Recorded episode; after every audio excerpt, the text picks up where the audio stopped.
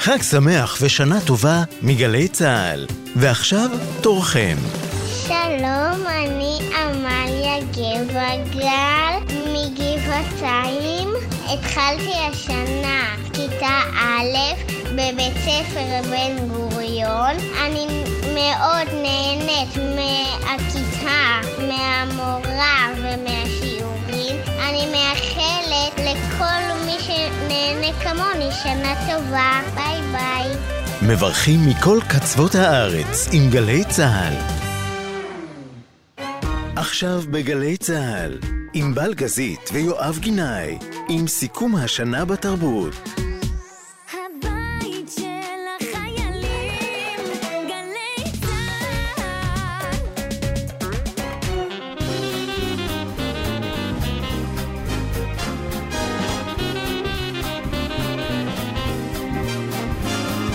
מה זה פה? אני פלשתי, יואב, אני לא התכוונתי ככה להשתלט על הרצועה. תשמעי, יש לנו שעתיים היום, אז אה, ככה אנחנו ביחד. לא, גם צריך לומר, זה סיכום שנה, זה חגיגי. סיכום שנה, זה הבוקר זאת. האחרון לשנת תשפ"ג. זה נכון. זה...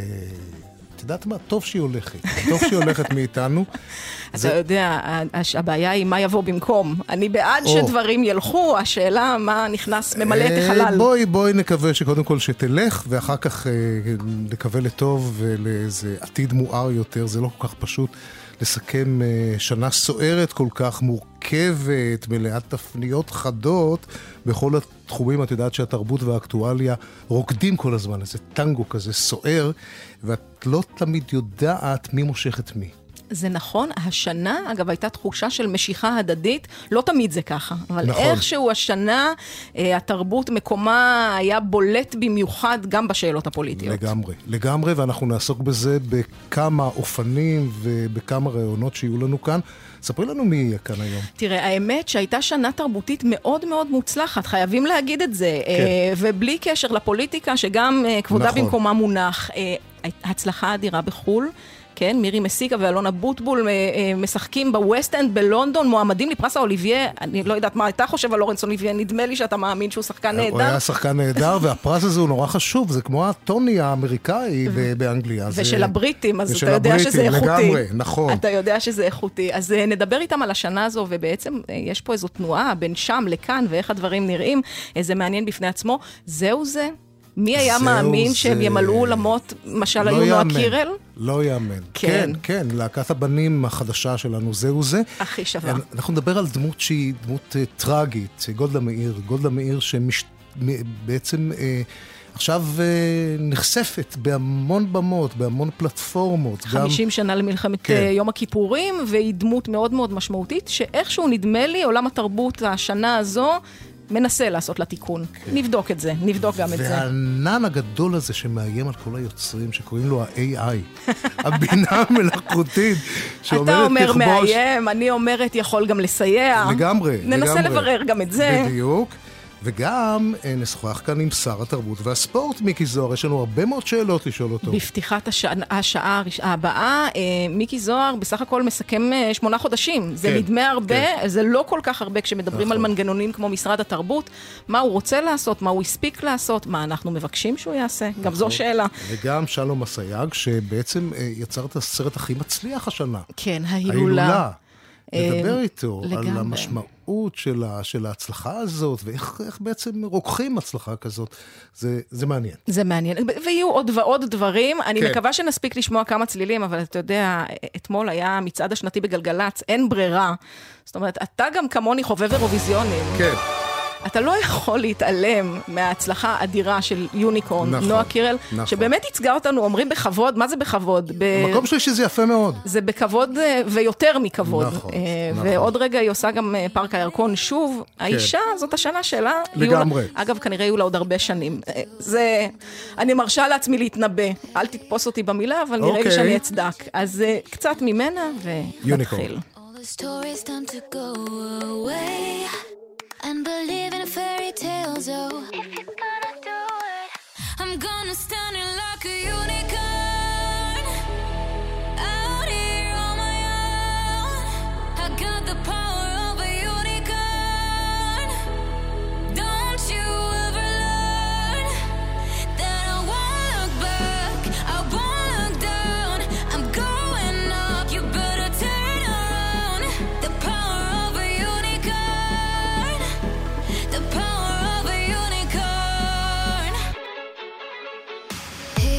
בגלל שאנחנו לא נזכה לראות אותה רוקדת, אה, למרות שזה היה ריקוד נהדר, אה, אני מציעה שנמשיך, יואב. יאללה, כי יש אז- לנו מלא אנשים לדבר איתם ולהספיק נכון. לאחל להם שנה טובה. אז אה, בואי באמת נתחיל לדבר עם שניים שעשו את זה, ואת יודעת, אנחנו כבר... עברנו כבר את, ה, את התקופה הפרובינציאלית הזאת, שאנחנו אומרים, הנה, הם פרצו את תקרת הזכוכית. בכל זאת, כשזה קורה, זה קורה וזה מרגש אותנו מאוד. ואני מדבר על מירי מסיקה ואלונה בוטבול, אה, שככה... אה, שידענו שהם מוכשרים, ועכשיו בכל העולם יודעים. נכון, אז אה, ביקור התזמורת בלונדון. אנחנו שומעים? עומר שריף, אה. מירי מסיקה, שעשתה את זה גם באוליביה. מה זאת אומרת? איזה יופי, איזה יופי. בוקר טוב, חבר'ה. בוקר אור. בוקר טוב. וואו, מישהי כאן לא התעוררה? לא, נכון? אני שאני התעוררתי, אני פשוט ניסיתי להקשיב איך זה נשמע. זה נשמע אה, נהדר, הנה אני אתן לך. קצת. כן. from the west, from the south. אני לא מאמינה שכל פעם מחדש אני צריכה להגיד למירי מסיקה שהיא נשמעת נהדר. אם לא את מי? אנחנו רוצים לדבר תקשיבו, באמת על ה... אתמול גיליתי, טוב בוא נדבר על זה. יאללה, בואי נדבר על זה. אז קודם כל, אה, אלון, אתה איתנו גם, נכון? כן. אלון? אני כן, אני אה. כן, מביט בכם, מביט בכם מרחוק. מביט בנו מרחוק מאוד, אז אה, אולי נתחיל איתך, מירי, באמת, אה, קצת על התחושות האלה, לעמוד על במה בינלאומית, אה, וזה לא פעם ראשונה שלך שאת עושה את זה. אה, יש איזה תחושות אחרות אה, מול קהל אה, אה, אחר אה, שלא יודע מי זאת מירי מסיקה, אה, כמו שאנחנו יודעים? כן. תחושות שהיו לי כשהייתי אה, פעם ראשונה בהבימה. ואף אחד לא ידע מי אני. כן. והייתי בשלמה מסלמאי ושרתי, ו- וה- והתגובה הייתה כזאת של מי זאת, מה זה הקול הזה, כזה. ואז התחושה היא שאתה בעשרים עוד פעם, ושמגלים אותך. זה אדיר. זה כן. מטורף. אה, אלון, אני חושבת שההפקה הזו גם הייתה הפקה מיוחדת, זאת אומרת, אם אנחנו כאן מדברים על אה, שיתופי פעולה אומנותיים, אה, בלונדון עשיתם את זה כדת וכדין. מה פירוש כדת וכדין? זאת אומרת שהייתם באמת cast מאוד מגוון, לא כולם בריטים מאוקספורד סטריט. לא, חוץ ממירי ואני, היו גם ישראלים שגרים בלונדון ולומדים בלונדון וחולמים על musicals ולומדים musicals ושרים, הם משחקים נהדר, אבל גם אנשים מ- מספרד מ- ובריטים, כל מיני, היה מגוון מאוד, והיה לנו במאי והפקה נפלאה. תגיד, אה, אלון, אתה אה, פצחת גם ב... איך לומר, פרק חדש בחיים האומנותיים שלך, Password, נכון? כן. כך נקרא השיר שלך. אה, השיר והאלבום האלבום. כולו נקרא. פמילי ביזנס, כן. כן, כן. כן. תגיד, אז, אז אה, זה הכל משתלב ביחד? אה, גם הבמה, גם המיוזיקל, גם הכל? פתאום העניין המוזיקלי פועם בך יותר? אה, אני חושב שהביקורת תזמורת היה מתנה לשחקן שעשה עבודה, אתה יודע, בשנים האחרונות אני בארצות הברית, הם בכלל הגיעו אליי דרך ארצות הברית ולא כן. דרך הארץ. והמוסיקה, המוסיקה נולדה ב- לפני שנתיים בצורה כזאת, ב- בהפקה של האלבום הזה, ה-Family Business. ועכשיו שעשינו פה סיבוב הופעות בארץ והפק, והופענו בברבי ובכל מיני מקומות, אז אני, אני שמח לדווח לך ש- שבפעם הראשונה בחיים אני יכול להגיד נולד זמר. יפה, יפה. נולד וטוב, נולד. ש- בדיוק, נולד וטוב שכך. כן, לא, זה כיף, זה כיף גדול, מירי, זה מדהים, מרגיש מדהים. איזה יופי. לא רק, לא רק זמר, גם פרפומר אדיר, זה כמו להסתכל על חייזר שלך, אתה לא מבין מה אתה רואה, זה פשוט מדהים. כאילו, מי זה האיש הזה? זה כמו מיצג, זה כמו, אני לא- אני הייתי בהלם מההופעה שלו. אה, אנחנו נרוץ, כי זה ממש, אה, ההשקה הייתה לפני שבועיים לדעתי זה היה, לא נכון? משהו כזה. ההשקה הייתה לפני איזה חודש, אה, ומירי הופיעה אוקיי. איתי, זה היה להתעלף, התעלפנו. ביחד. אה, אני יכולה כן. להבין אתכם. אז רגע, עכשיו... אה, שמעתי, שמעתי את- את השירים ואת המחשבות על זה כל, כל התקופה בלונדון. הוא כתב והשמיע והתייעץ, ו- ו- וזה, וזה לראות בן אדם חולם ומגשים את החלום. ממש, זה פשוט אה, תמיד מעורר השראה נורא גדולה. שזה באמת תענוג. ואת, מירי, יש לך הפתעה ככה בקנה, את הולכת להוציא אלבום קונספט חדש, אבל אהבה, כן. שכולו טקסטים ומכתבים של אסי דיין המנוח. האמת היא שאני אני חושבת שנקרא לו שלח אסי. מסתיימים אבל אה, זה אלבום אה, מאוד מיוחד, זה גם קצת כמו לראות את הצגה, כי יש בתוכו אה, מונולוגים עם מוזיקה והרבה שיתופי פעולה מעניינים נורא. זאת אומרת, יש לי גם את דודו טסה, גם את אלעזר שלום, גם את אלון עדר, גם את קרן ורס, זאת אומרת, חבורה של יוצרים מגוונים כל כך, פשוט מרגש. שכולם יחד אה, חושבים ומדברים אסי דיין. אני חוזרת רגע ללונדון. הייתם אה, שם בזמן שאנחנו כאן. זה נכון תמיד שמתגעגעים וקשה? מה הכי אה, קשה להצליח רחוק כל כך ולדעת שהלב רוצה להיות בישראל? אלון. לונדון זה שטויות, לונדון זה ישראל. לונדון כל שנייה היו באים מהארץ. נכון, היה פה מנדט גם. אני גר, כן. אני גר בלוס אנג'לס, עובד בכל מיני סרטים, אין אף אחד, דברי איתי על געגועים. לא, בלונדון כל שנייה פגשתי ישראלים, כל שנייה, אישה ברחוב, זה ממש כמו המשך של תל אביב. תגידו, אתם פוגשים אגב, תוך כדי זה שאתם בחו"ל ואתם מוצגים כישראלים, שואלים אתכם גם שאלות קשות אה, על ישראל, פוליטיקה, דברים כאלה? כן. אנשים קשים שואלים. אתם נתקלים בזה, כן? מה למשל? כן. בלונדון יש, יש, אתה יודע, האנטי ישראלית מאוד מאוד חזקה. אמ, אני חייבת להודות שבתקופה הזאת טיפה יותר קשה להגן על ישראל. אני מנסה בכל כוחי. כן, את, את, את עונה וכאילו שואלים אותך, מה הענייני... אני עונה ואני תמיד מרגישה שזה כאילו קצת חוטא לפעמים לאמת המוחלטת, שזה כמו משפחה. כן. ואני מגינה על המשפחה שלי, ואני שמה את האור האמיתי, לא רק את הקצוות שרואים ואת לפעמים זה קצת אה, מוגזם ומעוות. מה איתך אלון, אתה נתקל בזה כשחקן? כן, אולי בלוס אנג'לס פחות אה, קשה? הרבה פחות, הרבה פחות בכלל, אבל כשאני נתקל, אני נתקל גם בצד אחר, שמאוד, אה, לא, איך אומרים, לא מברך למשל פה בכל המחאה עכשיו, יש התפעלות גדולה מהדמוקרטיה, מאיך שהדבר הזה מתרחש, וואלה. מחאה כזאת. כן, כן, יש, יש, כן, כי יש כל מיני אנשים, אנשים קשים שואלים שאלות קשות, אנשים רכים שואלים שאלות רכות. כן. יש כל מיני... אוקיי. זאת הייתה הגדרה מצוינת. הגדרה מצוינת, ללא ספק. טוב, אני חושבת שאנחנו אה, אה, כפסע, אחרי מועמדות, השלב הבא לשניכם זה לזכות באוליביה, בטוני, הכל אה, בסדר מבחינתי. לא תהיה ברירה.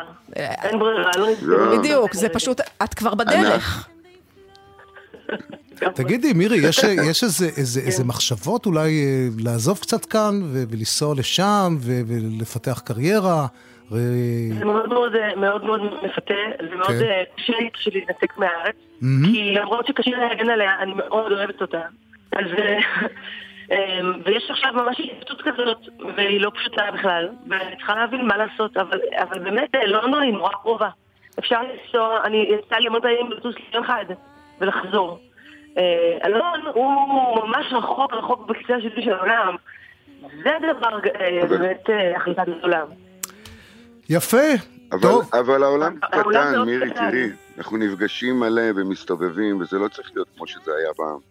צריך רק להשקיע, נכון. להמשיך לעבוד קשה, ולא להיות מפונקים כמו ששנינו, והכל יקרה. אנחנו נאחל לשניכם הצלחה בכל מקום. אני חושבת תוכניות מטורפות שם. בדיוק, ומה כן. שבטוח, אנחנו נמשיך להיות, אה, אני גאה בזה, פרובינציאליים. אני מנחסת את ההצלחה שלכם גם אליי. אני מרגישה שאני עזרתי בזה, שזה בסדר. גם עזרת בזה. לגמרי. מירי מסיקה, אלון אבוטבול, תודה רבה לכם, הרבה הצלחה ושנה טובה. שנה טובה. כן. אמן, אמן, ביי. הנה, והנה הם הלכו. תראה, הזכרת את uh, גולדה מאיר, כן. ובאמת, היא ראשית ראשת הממשלה הראשונה שלנו, והיחידה נכון, עד כה. אני נכון. מקווה שהיא תהיה בהמשך, אה, תהיה שיהיו אולי עוד, עוד אחת, כן. כן.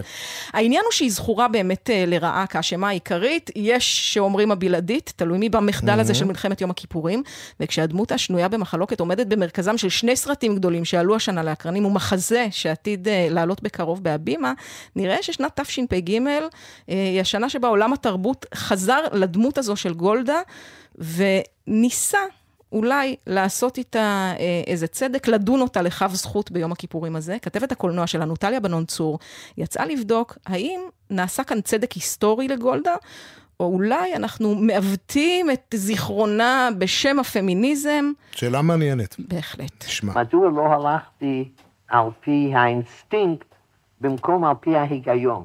זה מייסר אותי, זה אמת. זה לא נותן מנוח. מחדל מלחמת יום הכיפורים לא נתן לגולדה מאיר מנוח עד יומה האחרון, אלא שדווקא היום, בחלוף 50 שנה בדיוק, התדמית של גולדה עוברת מהפך.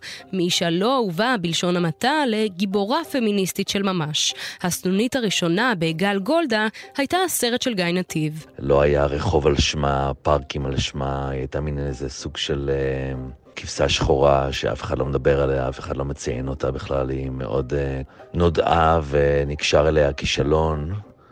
עכשיו אה, העיסוק בה הוא של הדור של 73. בסרט נכנסת הלן מירן לנעלי גולדה. I am not that little girl hiding in the cellar. מירן זוכת האוסקר חקרה את דמותה של ראשת הממשלה המנוחה, ובעיניה היא מודל לחיקוי של ממש. Golda Meir being the, I, I would say, noble character that she was, understood that as the leader of the country, she had to take responsibility, and she did. גולדה מאיר, בהיותה דמות אצילית, הבינה שבתור מנהיגת המדינה היה עליה לקחת אחריות. וזה מה שהיא עשתה. בניגוד למנהיגים אחרים שבזמנים קשים מתחילים להטיל אחריות על אחרים. היא מעולם לא עשתה את זה, היא נשאה בעול על כתפיה, ואני בטוחה שזה היה קשה מאוד עבורה. ונראה שהקהל היה צמא לדעת עוד על המנהיגה פורצת הדרך, כי הסרט מכר עד כה מעל לארבעה מיליון וחצי כרטיסים בארץ ובעולם. אבל אם תשאלו את עיתונאי הארץ, חיים לוינסון, הסרט הוא לא בדיוק מסמך היסטורי מדויק, והוא מתכתב יותר עם איך שאנחנו רוצים לראות את גולדה היום. אני מאוד בענייני פמיניזם, אבל בהקשר הזה זה היה ערבוב של מין שאינו במינו. זאת אומרת, גולדה הייתה בעיניי חלק מאותה הנהגה כושלת.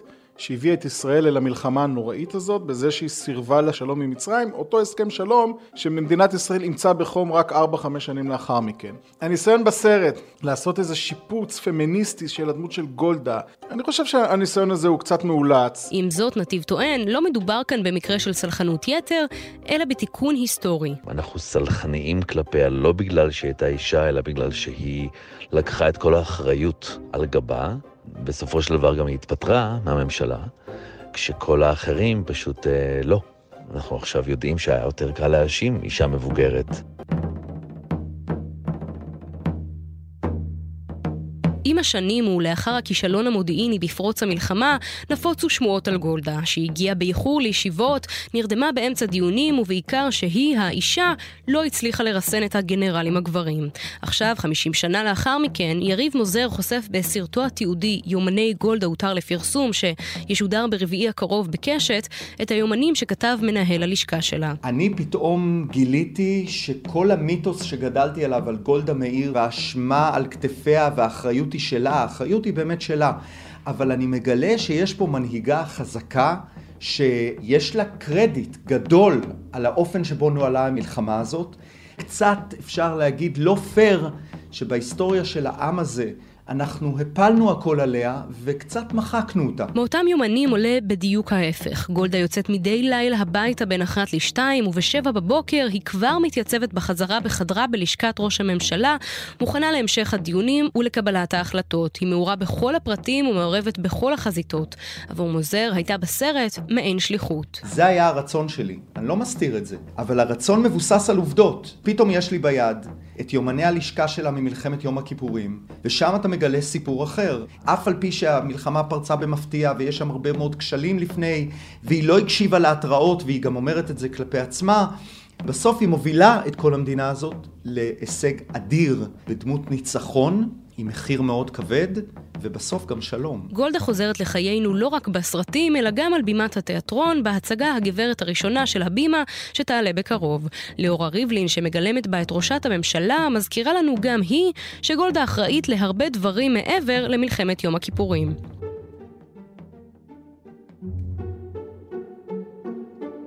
האישה הזאת בעצם אה, המציאה את קופת חולים, בנתה את הביטוח הלאומי, והיא הייתה עושה מגביות בארצות הברית שאף אחד לא השתווה לה. התקופה הזאת של מלחמת יום כיפור חיסלה את שמה הטוב. אז למה בעצם אחרי 50 שנה לתקן תדמין של אישה מנוחה? יוצרת הדוקו אפרת שלום דנון, שיצרה את הסדרה הנבחרות עם ליאור אלפנט ואסנת רבלסי, טוענת שזה הכרחי לעתיד. יש כאן אה, מה שנקרא תסמונת גולדה, שמאז בעצם שגולדה הייתה ראש ממשלה ונכשלה, הדבר הזה השפיע על כל האנשים שהגיעו לפוליטיקה אחריה. אולי זה לא מקרי שמאז לא הייתה ראש ממשלה אישה. שלא לדבר בכלל על ההקשר הזה של נשים וביטחון, זאת אומרת, אה, לא הייתה מעולם שרת ביטחון במדינת ישראל. יש הרבה פחות צלחנות לכישלונות של נשים, ואני משוכנעת שהסיפור שלה היה מתפתח אחרת אה, אם היא הייתה גבר. יריב מוזר מוסיף, חשוב להראות שגם נשים יכולות להיות מנהיגות, במיוחד היום. אני חושב שאנחנו בעידן אה, נשי, כמו שצריך. נוראי בעיניי שבממשלה הנוכחית אין מספיק נשים, הם לא היו נותנים לאישה להיות ראש ממשלה. פה יש לנו נקודה בזמן שעמדה פה אישה בראשות ממשלת ישראל ואנחנו מוחקים אותה מהזיכרון שלנו. ואולי צריך לחזור ולהסתכל בצורה מורכבת על האישה הזאת. איך אישה הגיעה למעמד כזה ולמה מחקנו אותה? וזה מה שעניין אותי. לצד התיקון ההיסטורי שמנסים לעשות כאן אנשי התרבות, שלום דנון מזהירה שאסור לנו להיות סלחנים מדי כלפי גולדה. דווקא הצעד הפמיניסטי הוא לא להתעלם מהכישלונות ולהראות שגולדה לא הייתה מושלמת. אם אנחנו ננקה אותה לחלוטין מכל אשמה, אז זה גם עושה באיזשהו מקום עוול לדמות שלה. כי היא הייתה דמות מאוד מורכבת, זה לא סתם שהיא הייתה כזאת אישיות גדולה מהחיים. ואני חושבת שגם צריך להיזהר מהמקום הזה, של קצת אה, לרדד את הדברים רק לפרספקטיבה אחת, פמיניסטית.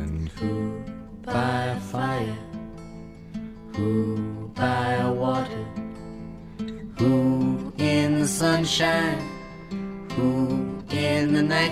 נראה שהתשובה ברורה. אנחנו רואים את גולדה מאיר באור אחר בשנת תשפ"ג, בואכה תשפ"ד. אבל לא רק בגלל או בזכות העין הפמיניסטית, אלא גם בעקבות הפרטים והפרוטוקולים שנחשפו עם השנים, והדעיכה של הטראומה המשותפת מהמלחמה, שמאפשרת להסתכל על 1973 בעין אובייקטיבית יותר ומעט פחות דומעת.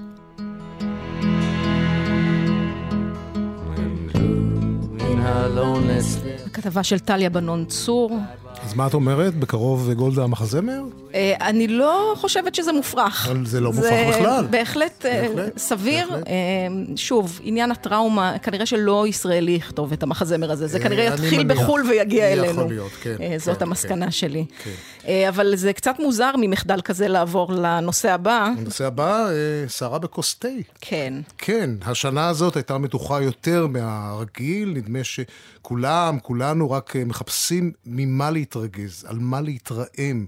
ואת מי למחוק ולבטל. זה נכון, אתה יודע, חברתנו אודיה קורן אומרת שהחגורה היא בגובה הצוואר וכל מכה היא מתחת לחגורה, אלא שלפעמים, כמו שאמרת, הסערה היא בחוס תה, במרחק כמה דקות, שעות, ימים, לא ברור בדרך כלל מה בכלל הרגיז אותנו, וזה הזמן לעשות מצעד קטן, יואב.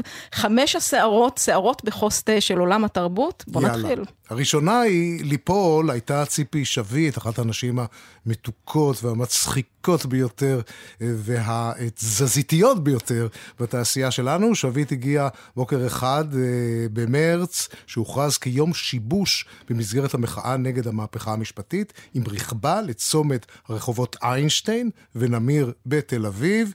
אה, מפגינה להוטה התחילה לתקוף את שביט. ציפי שטרית עכשיו לא רצה לתת לי להפגין להפגין, רצתה לדרוס אותי באוטו. הנה היא, יושבת, חושבת שהיא מפורסמת והיא יכולה. בושה לך! נגמר לך עבודה. נגמר לך כבוד מהמדינה, נגמר לך. או-אה. מי שכל החיים שלה עשה לנו רק שמח, אה, עד כדי שזכתה להדליק משואה ביום העצמאות לפני שלוש שנים, לא האמינה שזה קורה לה. לוואלה, היא מסרה בתגובה, מבינה את הכאב של כולם, אני חלק מהעם הזה לעולם, בחיים לא חוויתי כאב אמיתי כזה. להאשים אותי בניסיון דריסה?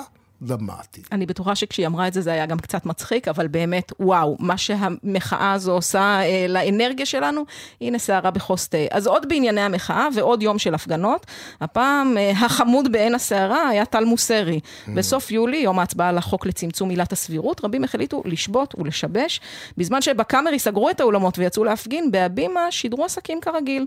המחזמר קזבלן עלה על הבמה, אבל אי אפשר היה להתעלם מהחסימות באיילון, ההפגנה בקפלן, בסוף המחזמר. המחזמר, ובשליחות התיאטרון מוסרי, שמשחק בהצגה הזו, קרא מסר בשם השחקנים וההנהלה.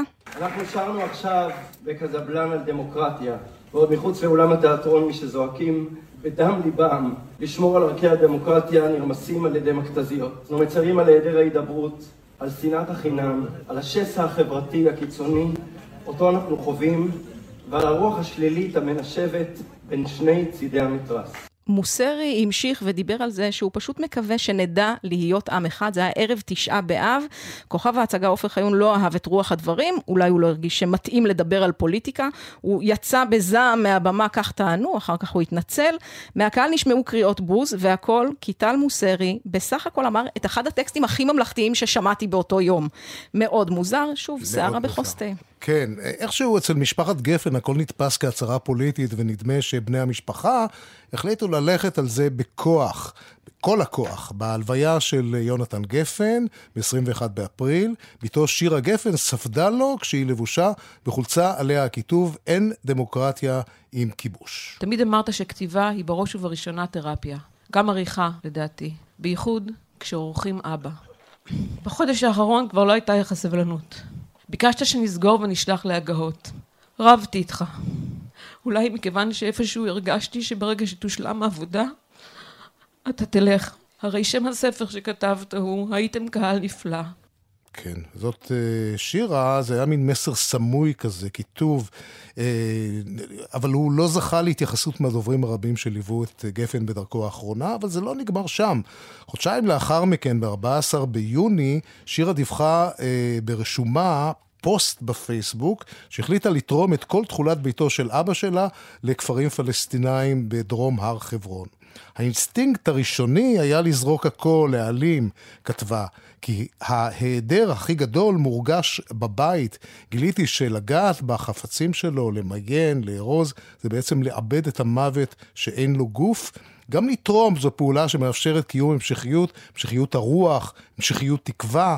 לכן החלטתי לתרום את רהיטיו לתושב, לתושבי 12 כפרים פלסטינים, אותם הורה בג"ץ לפנות אחרי עתירה של 22 שנה.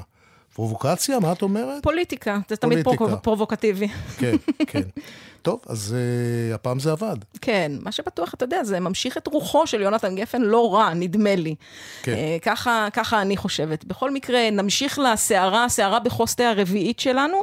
לא רק משמאל uh, מתברר עושים פרובוקציות. בתחילת אפריל, שר התרבות מיקי זוהר, שממש uh, בשעה עשר וקצת נדבר איתו כאן, מינה את התסריטאי מני אסייג לחבר במועצת הקולנוע.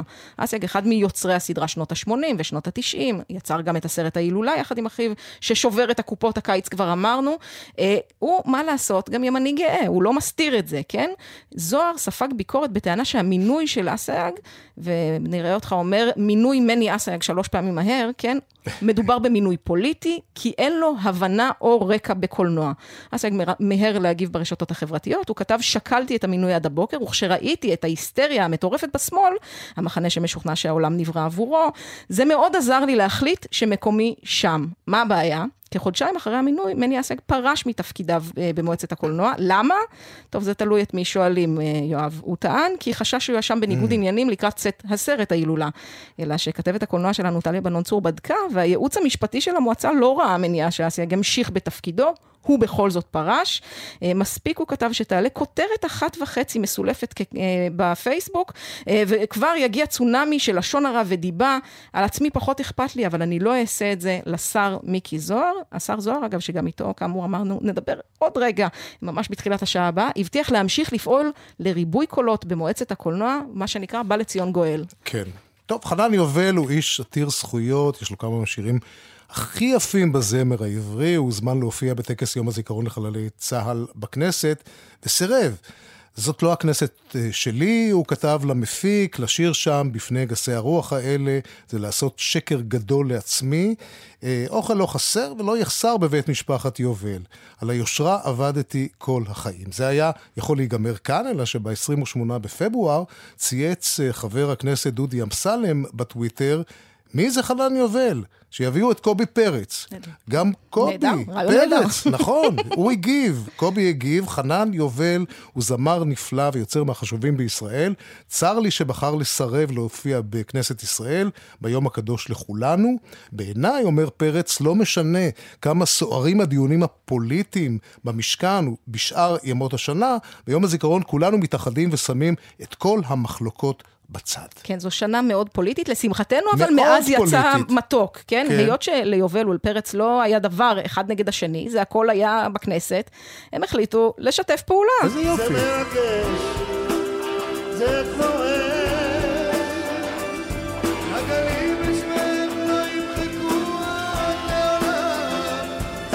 מה שקרה זה שפרץ פשוט הזמין את חנן יובל להתארח אצלו בהופעה במועדון הגריי ביהוד, ואפילו השדכן הוזמן לחגיגה הזו. באמת תודה רבה לדודי אמסלם, אהוב יקר, מאז יצא מתוק, ותשתדל שכל חודש תעשה דבר כזה גדול וענק, שאנחנו נזכה למכור, אומרים, אה, כמה שיותר מופעים. אני מודה לו גם על- לשאלה שהוא אמר, מי זה חנן יובל? הוא אמר את זה ביום חמישי או שישי, ביום ראשון נגמרו כל הכרטיסים להופעה הבאה. ככה צריך, מה אני אגיד לך? אתם זוכרים את השירים, כפי שנאמר. אנחנו זוכרים את השירים עם כל האהבה. אה, תשמע, אני חושבת שבסופו של דבר, ונדמה לי שאנחנו שעובדים בזה, אה, אולי מבינים את זה יותר מאחרים, התרבות תהיה הפתרון.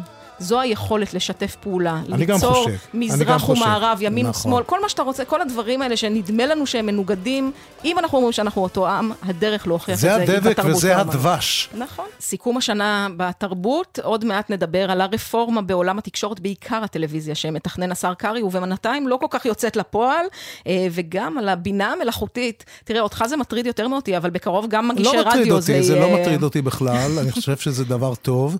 אני חושב שפשוט צריך לשים עליו אה, מה שנקרא, את יודעת, רגולציה, רגולציה, רגולציה, אה, כמו שעושים עכשיו באנגליה ובבריטניה על זכויות יוצרים וכולי וכולי, אבל... אה, זה, זה מתחבר יפה לשיחה על השר קרעי, שהרי רגולציה זה הדבר שהוא פחות רוצה, ויותר כן. לפתוח את השוק. אבל נכון. כל זה אה, עניין נפרד לחלוטין. בואו נתחיל רגע במשהו שאני בטוחה משמח. אני רוצה להגיד את כולם, אבל למען הדיוק העיתונאי אני אגיד את הרוב.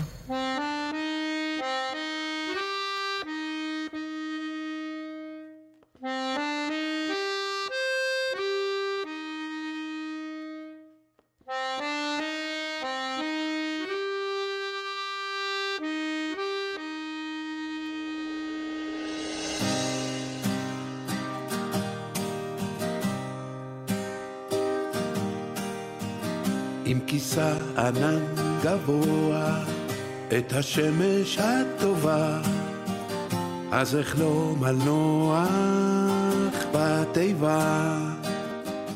לקח להם רק 45 שנה, אבל תשמע, עם כל הכבוד לנועה קירל, אני לא חושבת שהם האמינו שהם ימלאו ככה אולמות. אני חושבת שזה super group אחרי טלוויזיוני. כל כך הרבה שנים. אה, רק להגיע לבמה, כן? כן, הם כל הזמן כן, עבדו. כן. super group טלוויזיוני, מוזיקלי, הומוריסטי, מה לא. תשמע, זה קצת אה, הגיבורים של כולנו. לגמרי, והם מצליחים להיות אה, גיבורים בתקופה שקשה באמת לאומנים, אה, אה, איך לומר, מבוגרים, בוגרים, ככה להתחבר, והם מתחברים לכולם, ואנחנו מדברים על זה וזה. גידי גו ואבי קושניר, אתם כבר מסמיקים?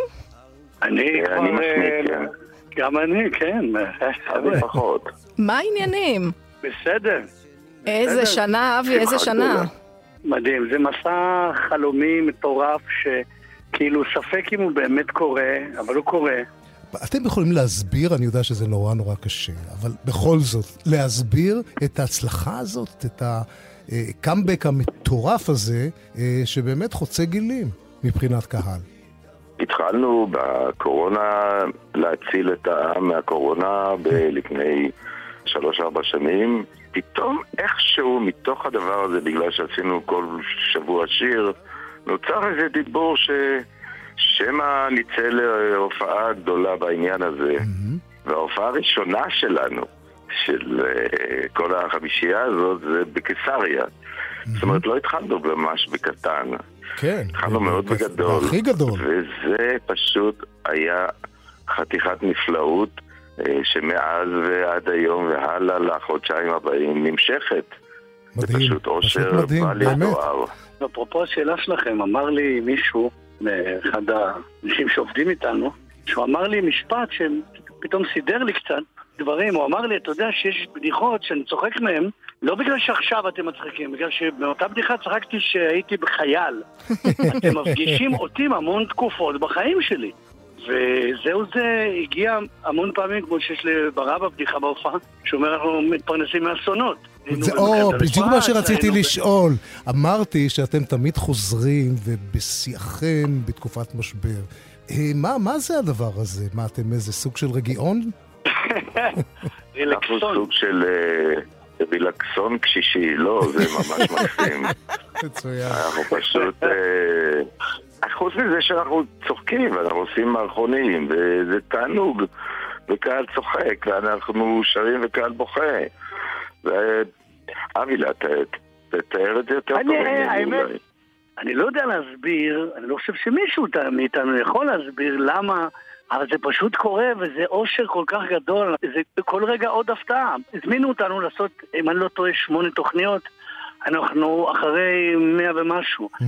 רגע, אבי, על מה שקורה על הבמה. גידי, אתה כבר מנוסה, אתה עשית הופעות עם כמעט כל העולם ואשתו, אבל פתאום נו. להיות uh, מסוגלים לעשות משהו מוזיקלי, בחי, לא הטלוויזיה המוגנת והחמודה שאתם כולכם ככה בחדר קטן וזהו. מה קורה על הבמה? א', כולם היו בלהקות צבאיות, בכזה קומבינה או אחרת. בא אמיר לקנר, וכמובן אתי אנטה שערכה את כל האירוע הזה, והפך אותנו תוך שלושה חודשים ללהקה ששרה חי די טוב. זה מדהים. אנחנו, יש, אה, יש שיגידו מעולה, אני אחמיא. אה, שוב, גידי יחסית נגיד מנוסה בעניין הזה, אבל אה, הפכתם לאיזה ההיי פייב שנת לגמרי, תשפ"ג. להקת הבנים המעודכנת ביותר.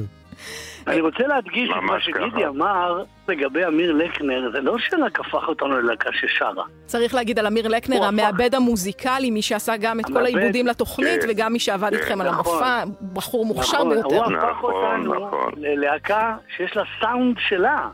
זה לא פשוט, זה... לבנות סאונד ללהקה זה לוקח זמן, המון זמן. ואני רוצה להצטרף מקודם, שאתם אומרים מה קורה על הבמה. זה התרגשות, זה לפעמים בגלל שאתה יכול לעמוד רחוק מהמיקרופון, זה כאלה צעקות לשמיים, אה, אה, אתה מאמין שזה קורה? כזה. כן, זה ממש לא ככה. ייאמן, אתם גם מלווים על ידי אה, 11 נגניות ונגנים, זה באמת אה, נכון. משהו מטורף. גידי, אז uh, סיפור של, לא יודעת מה, המפגש הכי מוזר, מרתק, מעניין שהיה עם אחד המעריצים עכשיו uh, בהופעות? יש כזה דבר? הם בכלל מעזים לגשת אליכם? אתם כמעט אלוהים. אבילה, מה- מה- מה היה?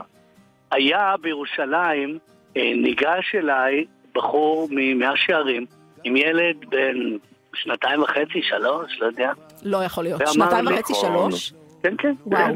שהוא נולד לתוך הקורונה, פחות או יותר. כן. ומשהוא נולד, ההורים שלו משמיעים לו את ה... רק את השירים של זהו. הוא יודע בעל פה את כל השירים של זהו זה. וואו. אמרתי, הסתכלתי ואמרתי, רגע, זה לא מציאותי, זה לא באמת יכול לקרות. וואו. תגידו, אה, יש לי שאלה ככה, שהיא מתבקשת בתקופה הזאת, אה, הפוליטית הלחוצה ו- וכולי וכולי. אתם מנסים להעביר איזשהם מסרים על הבמה? אתם אומרים משהו על המצב? זהו, זה, זה תוכנית אה, בידוק סאטירית, שזה איכשהו עובר בכולנו, ברור.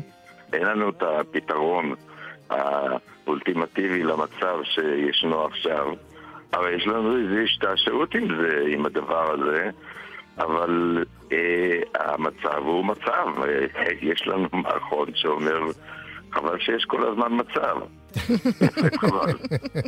נכון. זה אגב, אנחנו נכון. עושים את זה בדרכה של זהו זה, כן. שאם דובלה, אה, שמשחק אה, דמות אה, ידועה כאילו מהתוכניות של בידרמן, אחד שמגזים כל הזמן, אומר למוני על הבמה, המדינה בוערת, ובמה אתם מתעסקים? אם אתה דוקטור כבוד של בר אילן, אם אתה לא דוקטור כבוד, ראית? לא נתנו לה לגהץ את השיער באח הגדול. זאת אומרת, והקהל... זאת אומרת, המדינה בוערת ואתם לא מדברים על זה, על סתיו מהאח הגדול. אז... אבל אנחנו מתייחסים, כן, בדרך כן, צוחקים. זה העבודה בוודאי, שלנו. פוליטיקה אליבא דזהו זה, זה תמיד אה, קל יותר אה, ונעים יותר. ואני חושבת שזו לא רק הנוסטלגיה שמחזירה אותנו אליכם, אה, בטח השנה הזו. אמרתי, אני חושבת שתשפ"ד תמשיך להיות בסימן זהו זה, מוזיקלית ובכלל. פשוט אה, כיף איתכם. כיף גדול איתכם. אנחנו עוברים לתשפ"א, לא? תשפ"ד. תשפ"ד. עם ד'. כמו שיפוד. עוברים לתשפ"ד, או כן. מתשפ"ד לתשפ"א? מת- מתשפ"ג לתשפ"ד. תשפ"ד, בדיוק. אה, טוב, מרתק נכון? נכון. כן, זה יפ- זה יפה כן, שאתם כן. שולטים בזה ככה. אה. מי שעושה אה, יומני כן. סיכום שנה חייב לשלוט בשנה שעברה, נכון. וזו שתהיה אחר כך. אתם תקפידו לא, לשיר. גם הוועד בית שלנו כתב, כן, ברכות לשנת תשפ"ד. אני בטוח שזה קורה. אה, אנחנו רק נגיד, יואב, שבאמת ההופעות, כל פעם יש עוד תאריכים ועוד תאריכים, כי כולם רוצים להספיק לראות את זהו זה, ולא רק בטלוויזיה, אז... אה, וזהו ו- זה, יאירו גם את השנה הבאה עם המופעים המדהימים האלה שלכם. תודה, תודה רבה לכם, גידי גוב ואבי קושניר. בשמחה רבה, שנה. טובה. שנה טובה. שנה טובה. שנה תודה טובה. רבה. להתראות.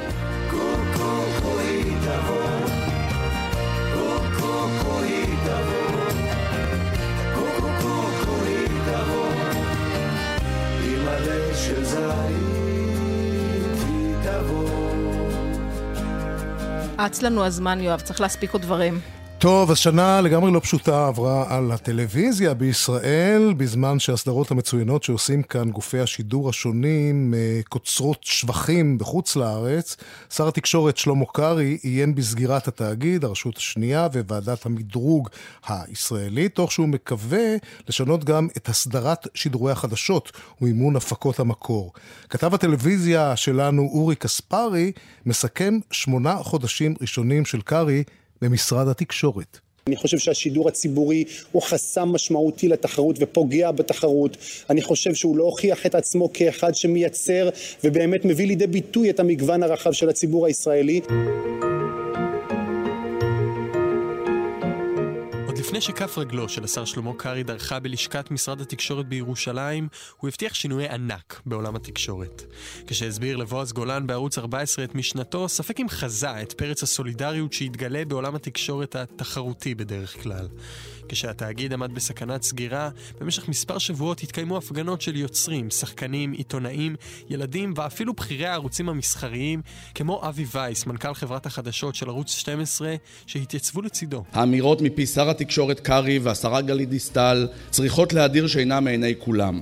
הרצון לסגור את התאגיד הוא ממניעים זרים. איך אמרה השרה? בשביל מה צריך תאגיד אם אנחנו לא יכולים לשלוט בו? אז חייבים תאגיד רק כי את לא יכולה לשלוט בו. אני כאן משום שחוזקו של ערוץ כאן 11 חשוב לי היום כמו היה ערוץ 12. כשהמאבק בשר קרעי החריף, הוא לקח צעד אחורה, והתוכנית לסגירת התאגיד הוקפאה, בטענה שתשומת הלב נתונה בעת הזאת למהפכה המשפטית. ואז במרס שוב הוצגה תוכנית לרפורמה, שינוי בשוק התקשורת. הפעם הרשות השנייה, מועצת הכבלים וועדת המדרוג הישראלית היו המטרות. יאיר לפיד, ראש האופוזיציה, גינה, והשר קרעי לא היסס לתקוף חזרה. להגיד שאני מחפש לשלוט בתקשורת זה שקר על מלא. זה הרי הפוך לחלוטין ממה שהרפורמה באה לעשות. אז איך באמת הופכים את התקשורת למגוונת יותר? רואים מה השמאל עשה, ועושים ההפך. ועדת המדרוג הישראלית שאמונה על מדידת הרייטינג והוקמה בשנות ה-90 מצאה עצמה בסכנת סגירה ממשית, כשהשר מקווה להקים גוף ממשלתי שימדוד את נתוני הצפייה. רוני ארן, מנכ"ל הוועדה ואיש טלוויזיה כבר עשרות שנים, לא נשאר חייב. השיטה שמוצעת חסרת תוקף מבחינה מקצועית, בניגוד לשר הנדל שנפגש איתנו והסברנו לו איך העסק עובד, השר קרעי בכלל לא נפגש איתנו, כולם אמרו שהם מתנגדים לזה, כי בסוף, אם זה יקרה, אז יהיה מצב שיש שתי מדינות בעולם שבהן הממשלה מתערבת בנושא מדידת הנתונים, אחת זה רוסיה ושתיים זה ישראל. עפרה סטת מילו, יושבת ראש בשיתוף אגודת העיתונאים ירושלים, נחרדת מתוכניתו של השר, ובעיקר מהשפעותיה על התקשורת החופשית. במסווה של גיוון ופלורליזם, שר התקשורת הציג תוכנית שיש לה רק משמעות אחת, לסגור. בלי רגולציה, בלי מכרזים, בלי אמות מידה מקצועיות, ובעיקר בלי הפרדה בין פייק לניוז. ביום שבו כל אחד יוכל לשדר חדשות, ללא מחויבות לאתיקה עיתונאית, אפשר יהיה באמת לסגור את העיתונות. העקביות של השר הקרעי והתוכניות שהוא מפרסם חדשות לבקרים, הובילו את עולם הטלוויזיה התחרותי והמרפקני להתאחד. כך קם פורום הערוצים הישראלים, שכולל את כאן, רשת וקשת. עורכת הדין נוגה רובינשטיין, שכיהנה בעבר כיועצת המשפטית למשרד התקשורת ומייצגת היום את פורום הערוצים, מסבירה שבזמנים כאלו, איחוד הכוחות הכרחי. הפורום הוא באמת לא סטנדרטי, כי הסיטואציה לא סטנדרטית, ובסיטואציה לא סטנדרטית עושים מעשים לא סטנדרטיים. אנחנו מודאגים כי בתוכנית של שר התקשורת אין שום דבר שדומה למדינות שהיינו רוצים להידמות אליהן מבחינה משטרית, מבחינת חופש ביטוי, עצמאות uh, של השידורים. יש יותר מדי דמיון במה ששר התקשורת מציע למדינות שבהן אין תקשורת חופשית ואין יכולת לקיים שידורי חדשות פתוחים וביקורתיים.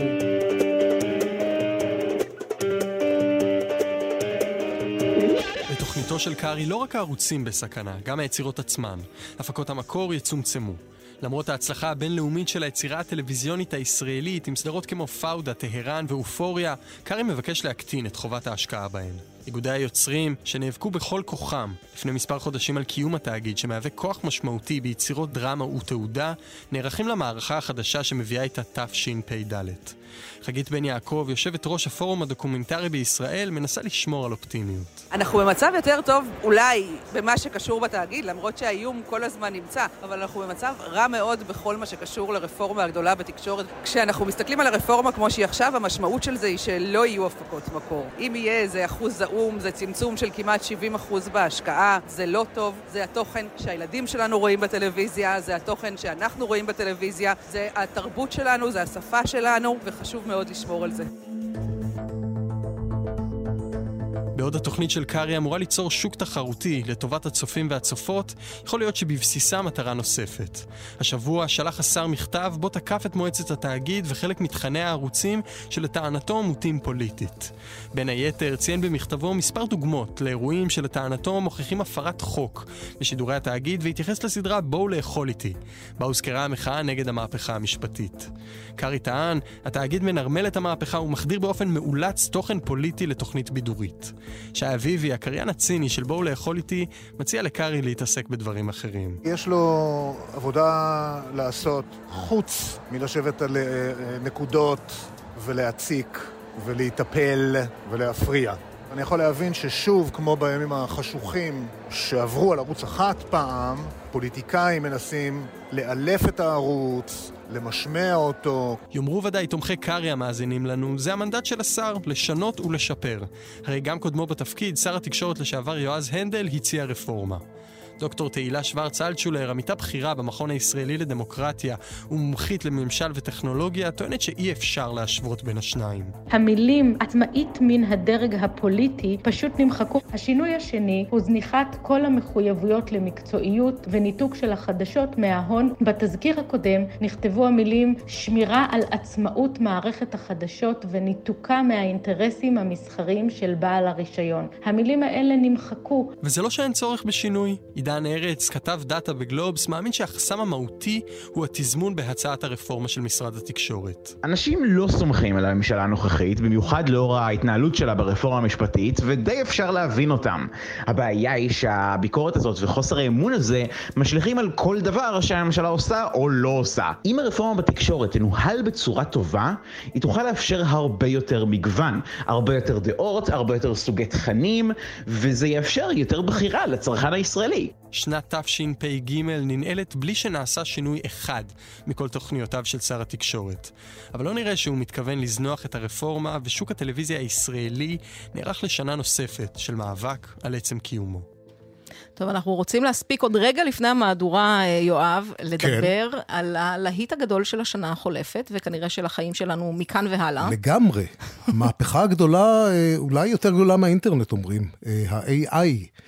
דרור גלוברמן, מרצה ויוצר תוכן, מגיש בקשת 12 וגם כאן בגלי צה"ל. שלום, בוקר טוב. בוקר טוב, יואב ענבל. תגיד, אתה באמת חושב שזו מהפכה יותר גדולה מהאינטרנט? אני חושב ש... אנחנו מדברים על הבינה המלאכותית, רגע, לא אמרנו. אמרת AI ואתה אוקיי, צודק, זה היה אוקיי. בלעז, תגיד כן, גם בינה כן, מלאכותית. כן. אז תראו, בינה מלאכותית איתנו כבר שנים רבות, בשנה האחרונה ראינו את הבינה המלאכותית היוצרת, אה, שמסוגלת בעצם לייצר, פשוט לייצר יצירות, בין אם תובנתיות, דאטה, ניתוחים וכולי, אבל בעולם האמנות והתרבות אנחנו מדברים על הפוטנציאל לייצר, נכון, אה, תמונות, ציורים, סרטים, קולות. אה, שירים, מוזיקה, פשוט... זה מעניין אותי שאתה אומר לייצר ולא ליצור.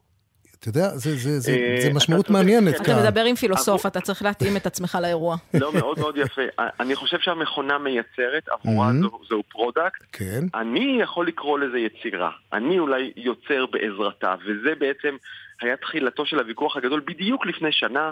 כן. כשתח... כשציור שנוצר בבינה מלאכותית זכה בפרס בתחרות בקולורדו, וכל עולם האמנות התהפך על הצייר, או לא יודע אם זה צייר, ועל השופטים, מי נותן פרס ציור לציור שנוצר בבינה מלאכותית? ואומר הבן אדם, אבל אני ישבתי 80 שעות מול המחשב, זה לא יצירה? וזה בעצם דוגמה של טובה למקום שאנחנו נמצאים בו, וגם... אני כאילו מנסה לא- להשוות, לא... דרור, ואני חושבת על מה אמרו הציירים כשהמצלמה הראשונה התחילה לצלם. נכון, כן, מאוד מאוד כן. דומה אני חושב.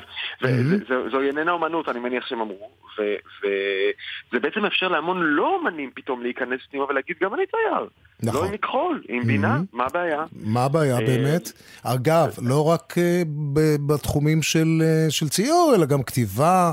אני יודע שיש איזה כזה שיח בקרב קופירייטרים שאומרים, לוקחים לנו את המקצוע בקרוב, לא יצטרכו יותר קופירייטרים, ברייטרים, לא יצטרכו יותר מעצבים גרפיים, פזמונאים. האמת היא, אבל בגלל שאנחנו מדברים סיכום שנה עברית, נדמה לי שהבינה המלאכותית עוד לא מדברת עברית מספיק טוב, לפחות לא זו שבחינם.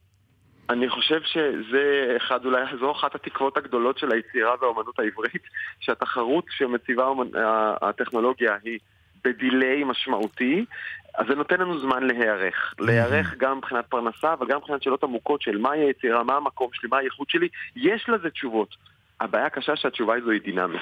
אם תשתנה בעוד כמה חודשים כשיצאו כלים חדשים וכך הלאה, אז כל מי שחושב בעצם כל יום יוצאים. כלים חדשים, נכון? זה נכון. ממש, זה, תופעה מדהימה. כמה עשרות ביום. זה לא ייאמן. לי לעמוד בקצב, זה לא ייאמן. ולזה אני מקדיש את החיים שלי בגדול. כן. זה באמת לא ייאמן, אה, וזה מכריח אותנו להיות הרבה יותר גמישים מחשבתית, ובטח שלא להתפלץ מכל חידוש טכני, כי אם זו התוכנית שלך לחיים, אז אתה גמור. כן. אתה יודע, שמעת ודאי את הביצועים, גם בחו"ל, גם בארץ, של אנשים שאו לא הקליטו בעצמם, או כבר אינם בין החיים כדי להקליט בעצמם את השיר. נכון. מה אתה חושב על זה? זה מרגש אותו דבר? כרגע... זה חמוד? זה... זהו, קודם כל כרגע זה הדגמת יכולות טכנית. אני, אני, אם אני מתרגש ממשהו, זה מזה שהטכנולוגיה יכולה להגיע למקום כזה. is, שזה נחמד. Mm-hmm. Uh, להגיד לכם שהתרגש, עוד לא קרה לי להתרגש ממוזיקה, ואני מתעסק במוזיקה לא מעט, להתרגש ממוזיקה ממש, מהיצירה המוזיקלית הזו שבינה מלאכותית עשתה, עוד לא יצא לי אף פעם, ואני לא יודע האם זה משום שהיא באמת לא כזאת מוזיקה טובה, או כי אני יודע שאין סיפור ואין לב אנושי מאחוריה, לא יודע מה הסיבה. אנחנו נצטרך פשוט, כמו בתוכנית חיסכון, לעשות uh, מבחן טעימה עיוור של מוזיקה נכון, שנוצרה על ידי בינה נכון. מלאכותית ואנושית, ונראה. או ספרות למשל. אה, כן. צ'אט GPT, כתוב לי עכשיו עגנון. כן. נכון. אה, אני אגיד לכם שעשיתי את זה עם אתגר קרת בגלי צה"ל. כן. עשינו ראיון יפה, ובו ניסינו לחקות את סגנונו. כל התוכניות נמצאות כמובן באפליקציה אה, של אה, גלי צה"ל, גל"צ גלגלצ, כן? בדיוק. עכשיו, כן אני חייב להגיד ששנינו הסכמנו שהיה לזה קצת ריח. היה לזה קצת ריח של אתגר קרת, אבל לא היה לזה את העומק, את השריטה, את הטירוף, את כל הדברים האלה לא היה. זה היה בניחוח קל, עדין. ארומה מרומזת. בסדר, זה תחילת הדרך. בדיוק, תן לבינה המלאכותית שנה, שנתיים, שלוש, ללמוד את הטקסטים של אתגר קרת, ואז זה יהיה בסדר. אני אגיד לכם שכבר היום בשיחה פשוטה בין אנשים, אין לבינה מלאכותית קושי, אין לה בעיה להיות אמפתית, להבין, לרגש, להכיל, לעניין, היא עושה את זה מצוין בשיחה רגילה. כמה זמן ייקח לה לשעתק את התכונות האלה גם לאומנות, אני מסכים שזה יכול- עלול להיות עניין של שנה, שנתיים, שלוש, עבור רוב האנשים. אבל היא אולי יכולה ללמוד את אה, אדגר הקרת, את מה שהיה, אבל לא את מה שהוא הולך לכתוב. וזאת הנקודה. אז- עדיין אז- לא יכולה, דרור כבר חושב איך עוד רגע היא תהיה גם נבואית. אני אני שומעת את הגלגלים אה, מתגלגלים. אה, דרור גלוברמן. אני אומר עוד מילה אחת לפני כן. שיזרקו אותי. כל העולם חווה עכשיו חוסר יציבות עצום ושינויים מהירים בכל, אקלים, טכנולוגיה, פוליטיקה. אני מחכה ליצירה, לא משנה אם היא אנושית או בינה מלאכותית, שתתעד את התחושה הזאת שהכל סביבי מסתובב נורא מהר, וגם אותי זה מפחיד. גם השעון מסתובב נורא מהר. כן, זה יקרה. תודה דרור רבה. גלוברמן, שנה טובה. שנה טובה. אנחנו נצא לחדשות, וממש עוד רגע זה קורה. שר התרבות מיקי- מיקי זוהר יהיה איתנו, ועוד כל מה. שיש.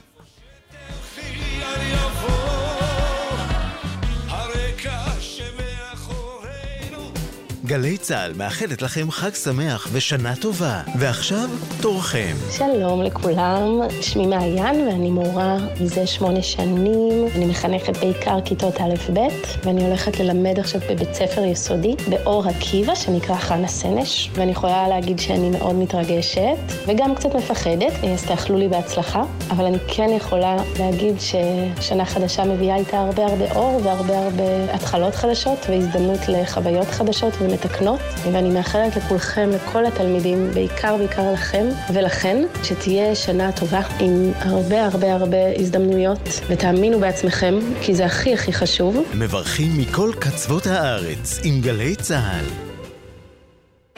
עכשיו בגלי צה"ל, ענבל גזית ויואב גינאי, עם סיכום השנה בתרבות.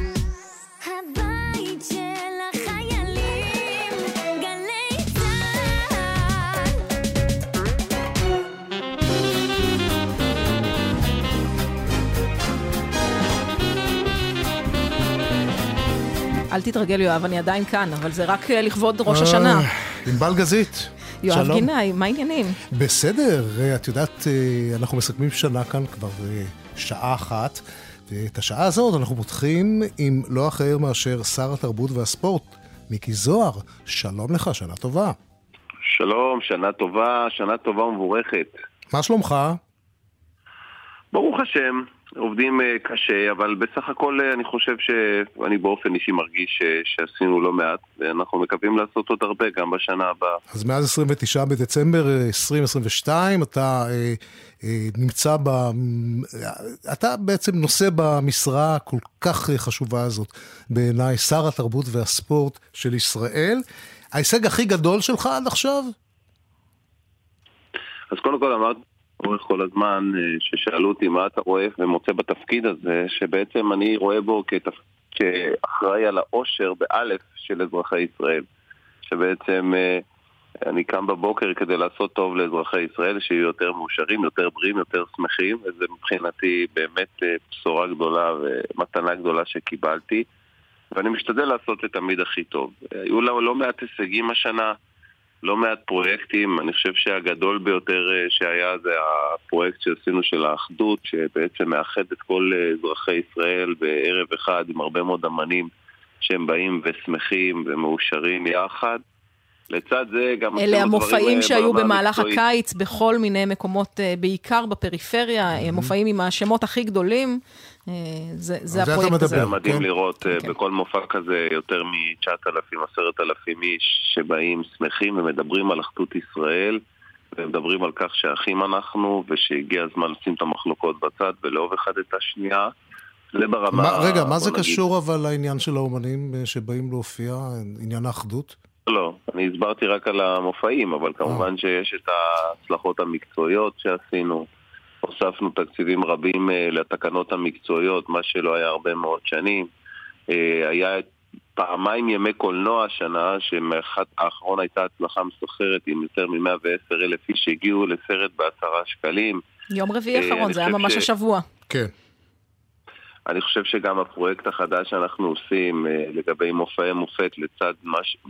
במקום מה שהיה רוח התרבות, הולך להיות הצלחה מסחררת, כי יש שם מופעים שאני לא חושב שראו אה, אי פעם באזורים מסוימים ברחבי הארץ, וגם כמובן שהתקציבים הולכים לגדול באופן משמעותי, וזה בזכות באמת הישגים אה, שעשינו.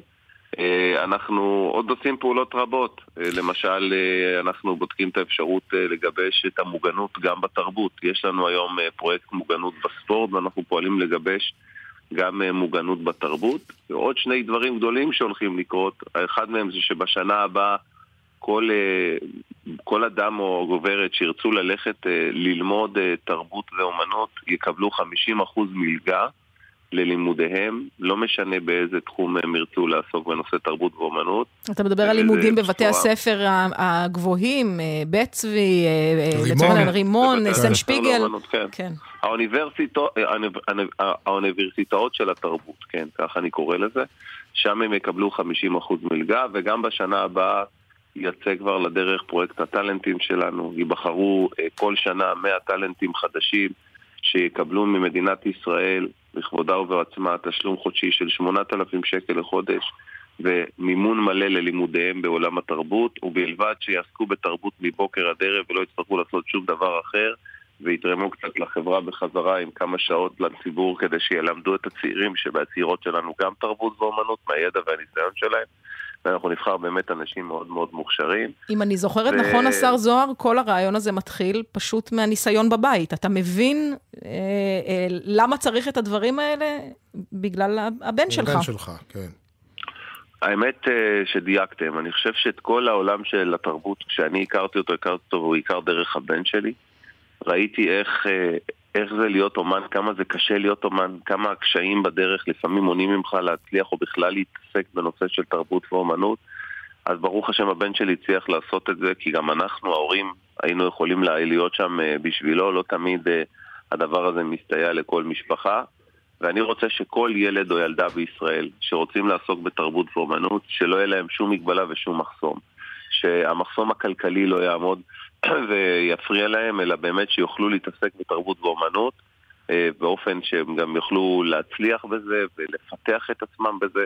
המסקנות שלי הן פשוטות. אם אמן פנוי ליצירה שלו ואין לו את הלחץ הכלכלי הזה של איך הוא גומר את החודש, ולצד זאת שהוא מתמקצע ביכולות שלו, זאת אומרת שהוא הולך לאחד מבתי הספר לאומנות וממקצע את הכישרונות המולדים שלו, זה יכול להביא אותו לרמה הכי גבוהה. אני חושבת שיואב ואני חותמים על כזה רעיון אה, מיד, אבל אתה יודע, אחת הבעיות, השר זוהר, ואני מודה, אנחנו לא אילנה דיין פה, לא נגיע לפוליטיקה הארדקור, אבל בסוף אתה פוליטיקאי ששייך אה, אה, למפלגה, וכל דבר שאתה עושה נבחן גם בעין הזו.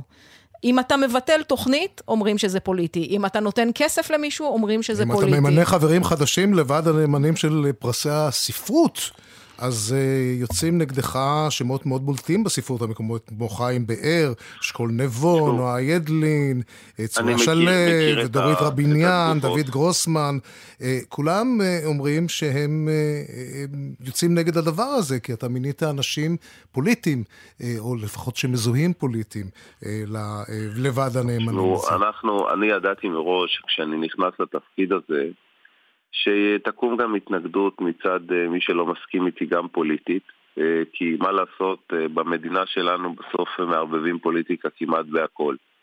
ואני דווקא ניסיתי להימנע מזה, אבל, אבל בכל מקרה בחרו אנשים מסוימים לצאת נגדי בכל מיני הזדמנויות, אפשר לומר גם שיש עיתון, ב... אני לא לומר את שמו עכשיו, אבל שעושה על בסיס קבוע קמפיין נגדי וכותב נגדי כל מיני השמצות. ולא יודע אם שמתם לב, לא תמצאו אותי לא מגיב, לא מתעמת. מגיב, זאת אומרת, באופן רשמי, אבל לא מגיב, לא מתעמת, לא מתלהם, ולא יורד לרמה הזו. אני עוסק בעשייה, עושה את זה מכל הלב למען אזרחי ישראל ואזרחיות ישראל באופן שווה. רוצה תמיד לפתח את עולם התרבות לכל אזרחי ואזרחיות ישראל, ובסוף, במרוצת השנים, ככל שאני אצליח להיות יותר ויותר בתפקיד הזה, אנשים יבינו את התרומה שהבאנו לעולם התרבות. עכשיו, יש כעסים גם נוספים שאנחנו מכירים אותם, שאינם קשורים לתרבות. כעסים שקשורים לנושאים אה, של פוליטיקה, כמו הרפורמה המשפטית שקשה לאנשים אה, עם העניין הזה, ועוד דברים נוספים. אנשים מקישים ומשליכים ממשהו אחד למשהו אחר. אתה אומר שאלמלא הרפורמה, המהפכה המשפטית, יכול להיות שהאומנים והאומניות אה, האלה שיצאו נגדך, היו רואים את הפעולות שלך ואפילו מוחאים כפיים?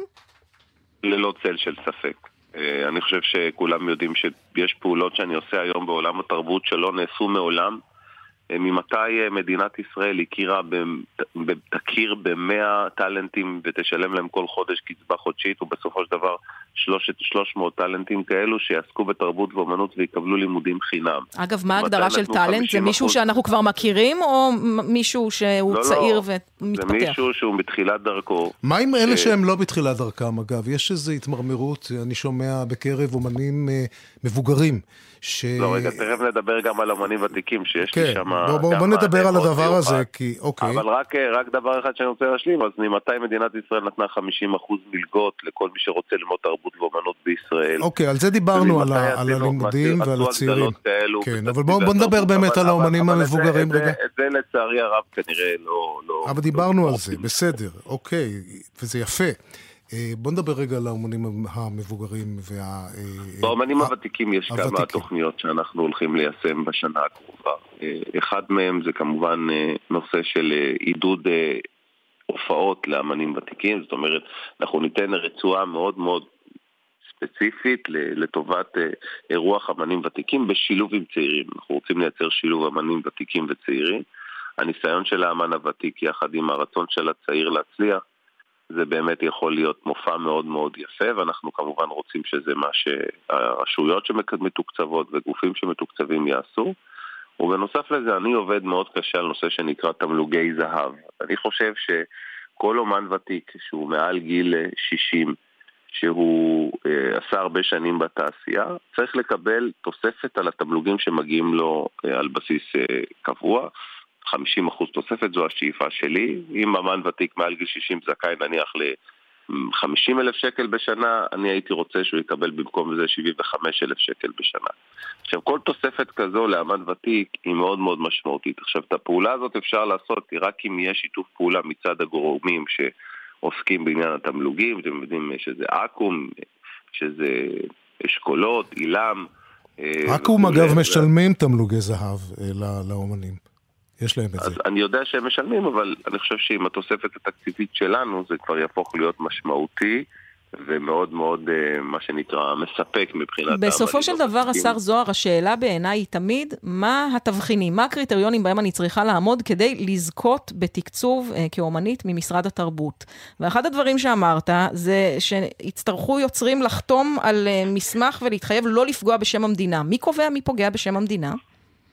אז כמובן שגם זה שקרי ומופרך, ואנחנו יודעים שגם על זה כתבו כל מיני דברים שלהם ולמציאות. אז מה האמת. בעצם? אתה עדיין... בשמחה, אה, אני אסביר בשמחה. כן, בוא תסביר. זה עדיין. המסמך הזה קיים? יש, הוא הוא על הפרק? כבר, אני כבר באיזשהו מקום נמצא בנקודה שאני די, אה, מה שנקרא, מתעלם מה, מהשקרים והפייק ניוז שמופצים, כי אין לזה ערך פשוט לעסוק בשקר כזה ולנסות להסביר אותו כל פעם, בעיניי זה בזבוז של הרבה מאוד אנרגיות. אבל אני, אם אתם שואלים, אז לשאלתכם, כן. אני דיברתי על דבר אחד, יש את חוק הנכבה. בחוק הנכבה יש חמש עילות, שבגינן מותר לשלול כסף מזה, עידוד טרור, קריאה להסתה וכולי. אני ביקשתי להוסיף שם עילה שישית, שאומרת שכל סרט שמכפיש את חיילי צה"ל ללא תחקיר אה, צבאי, מה הכוונה? נגיד פרשת קו 300 או פרשת אלאור אל, אל, אל, אל עזריה ששם הצבא תחקר ובדק ויש נתונים וממצאים, ברור שאפשר לעשות על זה סרט. אבל אם, אה, סתם דוגמה, יש מישהו שבטוח שכל חיילי צה"ל הם רוצחים ואנסים, והוא מחליט לשים את זה בסרט שלו, אז כמובן שהוא יוכל לעשות את אבל הסרט אתה מדבר. כאן על סרטים תיעודיים, ומה לגבי סרטים עלילתיים? אני יכולה לדמיין לא, לא, שבצה"ל אמרתי, יש אמרתי, חיילים רוצחים. אמרתי, בטח שמותר לעשות, רק המדינה לא תשלם על זה, זה הכל. גם על פיצ'רים שהם אחד. אומנותיים, אתה אומר, לא רק על אומר- סרטים לא, אני אומר דוקומנטריים. דבר אחד, ברגע שאתה מחליט לעשות סרט שפוגע בחיילי צה"ל, ומציג את חיילי צה"ל בצורה שלילית ללא איזושהי... אבל אתה יודע שהמדרון כאן הוא חלקלק. מאוד, כי אתה, אה, אתה יכול להציג כל מיני דברים בכל מיני צורות אומנותיות, ו- ולך תדע איפה הסוף כאן. אז אני אמרתי, לא, זה מאוד מי פשוט קובע? אגב. מה, יש ועדת אני אמרתי, זה צנזורה? מאוד פשוט, אני גם נתתי כן. את הנתונים איך זה אמור להיראות. אם יש, אם יש משהו ש, שתוחקר על ידי הצבא והוא מאומת בכל פרטיו, אז ברור שאפשר לעשות על זה סרט, אבל אם מישהו מחליט, או מישהי מחליטה, להציג את חיילי צה"ל כרוצחים או כאנסים או כקגלסים, לא משנה איך היא רוצה, או רוצים להציג את החיילים, אז כמובן שהם יוכלו לעשות את הסרט הזה, רק הם יעשו את זה על חשבונם ולא על חשבון משל, משלם המיסים. למה? כי רוב מוחלט באזרחי ישראל לא רוצה שישפילו ויפגעו את חיילי צה"ל, אז הוא גם לא צריך לשלם על סרט כזה.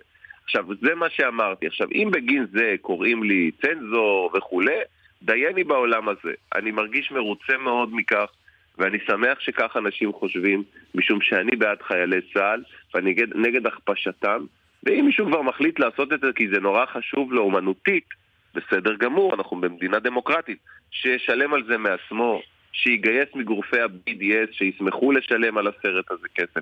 לא משלמי המיסים צריכים לשלם על זה. כולנו נסכים שם כאן שאנחנו נגד אה, הכפשת חיילי צה"ל. לגמרי, ואנחנו זה בעדם חד משמעי לגמרי. ואנחנו בעדם. נכון. אבל בואו נסיים, חבר'ה, אה, במשהו טיפה יותר משמח, בסדר? טוב. שר התרבות, בכל זאת, אמרנו, יש לו קשר משפחתי, הוא ביקש אה, להקדיש שיר, ואולי גם כמה תמלוגים, זה עוד לא תמלוגי זהב. אה, זהו, אז עכשיו החשש הגדול שלי זה שיגידו בפעם הבאה כל מבקריי ולא חסרי בעולם התרבות שאני נגוע בניגוד עניינים ובכך אני מקדם את נדמה מי לי. שהיות שהשיר היה פותרים אותך, בפלייליסט... אנחנו פותרים אותך מהעניין הזה, כי השיר, כי- כי- כי הבן שלך הוא כוכב גדול. בדיוק, הוא היה בפלייליסט של לא, אז גלגלצ, אני- אתה אני לא ישבת בישיבה. אני בחרתי את השיר הכי מוצלח שלו, שלא משנה כמה אתה לא אוהב אותי, או חלילה אולי גם את בני, את השיר הזה אתה תמיד שמח לשמוע. אז שבחרתי את השיר מיכל, ואני מאחל לכולנו שנה טובה ומבורכת. שנה שנה טובה. של בריאות, שנה של שמחה, של הצלחה, שנה ושל של אחדות. תרבות, של תרבות טובה. שנה של תרבות בכל הפרמטרים, ושנה שנאהב אחד את השנייה, ושנה של אחדות. אינשאללה. השר מיקי זוהר, תודה רבה לך. שנה ו- טובה. שנה תודה, טובה תודה, מאוד. שנה טובה להתראות. ושבת שלום. כבר מאתמול כל הפה שלי באלכוהול זה עוד מכשול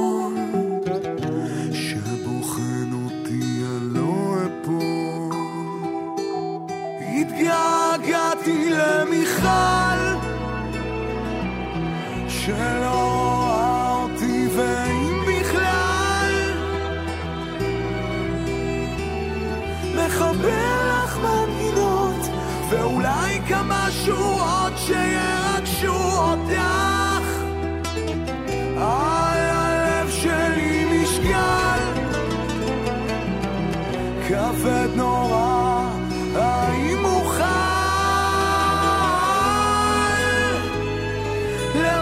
להמשיך לכתוב שירים ולשחק בין המילים רק לא איתך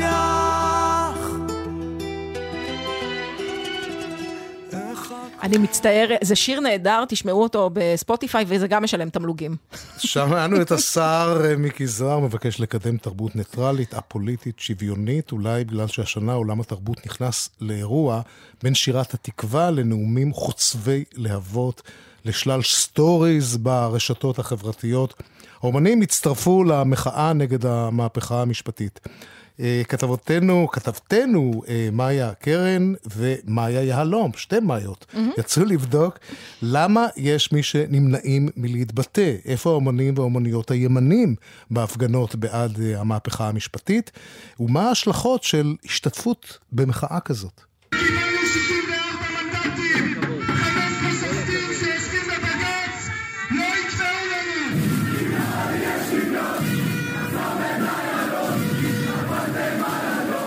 ערב טוב קיסריה, שמכריזים האומנים בהתרגשות בפתיחת כל הופעה באמפיתיאטרון, נדחק השנה מעט הצידה לטובת ערב טוב קפלן. אני מצרף את קולי ואת עוצמי בקריאה לחופש ושוויון בארצנו. תעזבו אותי מאל תפחד שלא תהיה כאן דמוקרטיה.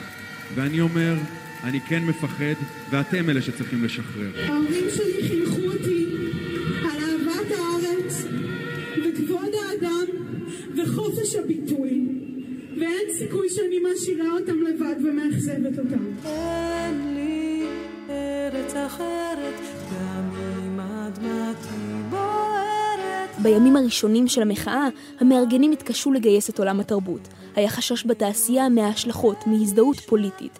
בתגובה לשתיקת האומנים באותה תקופה, יצא קמפיין רשת נרחב בו הופצו תמונות של האומנים המצליחים במדינה עם הכיתוב "מתים לשמוע אותך, אותך". הרי מהי תרבות אם לא מחאה?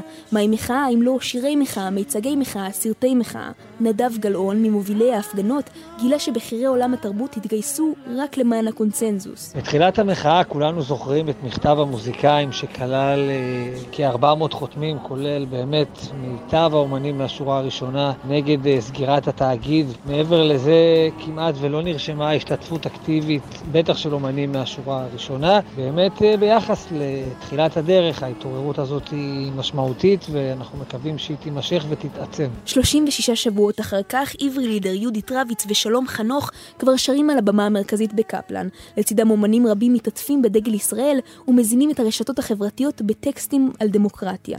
לא כולם התגייסו. חלקים הסתפקו במסרים קלים לעיכול על אחדות, אבל התעשייה אמרה את דברה. הזמרת מירי מסיקה מקפידה לפקוד את קפלן תכופות, וגם לשתף את העוקבות והעוקבים ברשתות החברתיות בלי פילטרים ועם הרבה ציניות. אני רוצה להתנצל בפני עם ישראל על תפקוד מזעזע שלי כאזרח. אה, כי אני אמורה לדאוג לכל הדברים האלה, לכלכלה, לחינוך, לרפואה, והייתי עסוקה פשוט כל כך בהפגנות, אה, שלא היה לי זמן להתפנות למה שבאמת חשוב. כי הכי חשוב, קודם כל, זה לעשות רפורמה משפטית. הכי חשוב. אחר כך הביטחון, אחר כך הזה. וברגע שהם מתבטאים ומתבטאות, צצות גם שערות. הסערה התורנית האחרונה סביב חברתה הטובה, קרן פלס. כשארד מבול על הרחוב, אני אהיה על גג, לשמור אותי קרוב. לפי הדיווחים, השר יואב קיש פעל בהוראת רעיית ראש הממשלה שרה נתניהו, או לבקשתה, להדחת יושב ראש יד ושם דני דיין. כי דיין הזמין להופעה בטקס יום הזיכרון לשואה ולגבורה את קרן פלס. פלס, זמרת ויוצרת אהובה ומוערכת, לבשה בהופעה אחרת את בגדי השפחה המזוהים עם המחאה. קשה להקל בדיווחים האלה ראש. חופש הביטוי והמחאה עומדים מול החשש מפגיעה ממשית בפרנסה ובקריירה. המוזיקאי עברי לידר, שלוקח חלק פעיל במחאה והופיע על הבמה בקפלן, חרד ולא רק לגורל האומנים. אם זה נכון, אז אני חושב שזו סיטואציה שאנחנו לא רוצים להיות בה. זה מאוד, מאוד מסוכן לחיות במדינה שמסמנת אומן בגלל דעותיו ומענישה אותו על כך. זה מאוד מאוד מורכב, ולא משנה מה הם דעותיו. אגב, גם לצד השני, גם הפוך. אנחנו חייבים להיות מסוגלים אה, לדבר בחופשיות. אני חושב שזה מאוד חשוב שהאומנים ידברו ויביעו את דעתם על דברים. ילד שומע את אבא צועק דמוקרטיה על גשר בעיר. כדי להביע תמיכה באומנים שמעזים להתבטא, קמו יוזמות כמו זו של מחאת אנשי ונשות ההייטק, שפרסמו את רשימת האומנים המומלצים להעסקה, כאלה שהיו שותפים פעילים למאבק נגד המהפכה המשפטית. זה לא פותר את הבעיה, אבל נותן תחושה של סולידריות, שהאומנים והאומניות לא לבד. למרות ההשלכות האפשריות, אשת יחסי הציבור הוותיקה רונית ארבל נחרצת כשהיא מייעצת למיוצגיה, פיתחו את הפה. אני לא רואה עדיין איזושהי בעיה בפניות של אה, גופים מסחריים לאומנים שמביעים את דעתם, ואולי אפילו להפך. אין בכלל פריבילגיה לאף אומן במדינת ישראל לסתום את הפה בימים כאלה. וכל אומן ששותק, בעיניי הוא לא אומן אמיתי. זה הזמן להתעורר,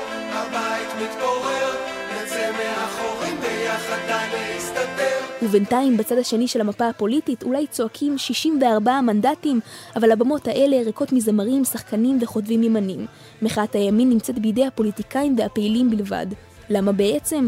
לברלה קרומבי, ממובילי המחאה בעד התוכנית, יש תשובה פשוטה. האנשים שתומכים ברפורמה רוצים לראות את האומנים לוקחים חלק במערכה הזאת ומביעים דעה משמעותית על המאבק הזה. זה לא סוד שבמדינת ישראל יש סתימת פיות. אומנים משמאל מותר להם הכל, אומנים מימין אסור להם להביע עמדה. ולכן לצערי הרב המצב היום שיש הרבה אומנים בימין שמפחדים להגיע. הזמר ישי לפידות, קול בולט בעד החקיקה שהופיע גם בהפגנת המיליון, מכיר את התחושה מקרוב. ככלל, ה base שקובע בעולם ה show business בישראל שייך לצד השמאלי. אני הייתי השבוע בטקס פרסי אופיר, אי אפשר היה להתעלם מהרוח הנושבת שם, ולכן אומן מהצד הימני, קשה לו יותר להתבטא. הוא מבין שיכול להיות מאוד שלדברים שלו יהיה מחיר כבד בידי מקבלי החלטות. ולכן אני יכול להבין את אלה שלא לא מדברים. צריך גם לעשות את ההפרדה. האומץ להביע דעה שנויה במחלוקת תלוי במידה רבה בקהל של האומן, עד כמה הוא נישתי או רחב. נועה קירל בשנה החשובה בקריירה שלה לא הביעה אף לא חצי עמדה פוליטית. היא ממותגת כמייצגת של כולנו, או בעצם של אף אחד, הישראלי הניטרלי. Hey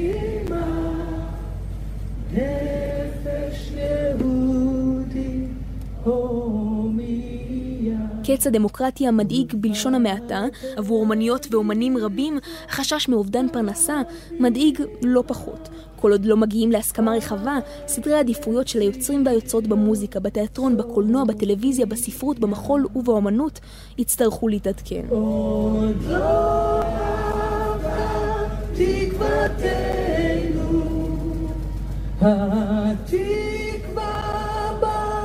זו כמובן יהודית רביץ, שיצאה מהצום, מהדום שתיקה שלה, אה, כדי לשיר אה, את התקווה אה, על בימת קפלן.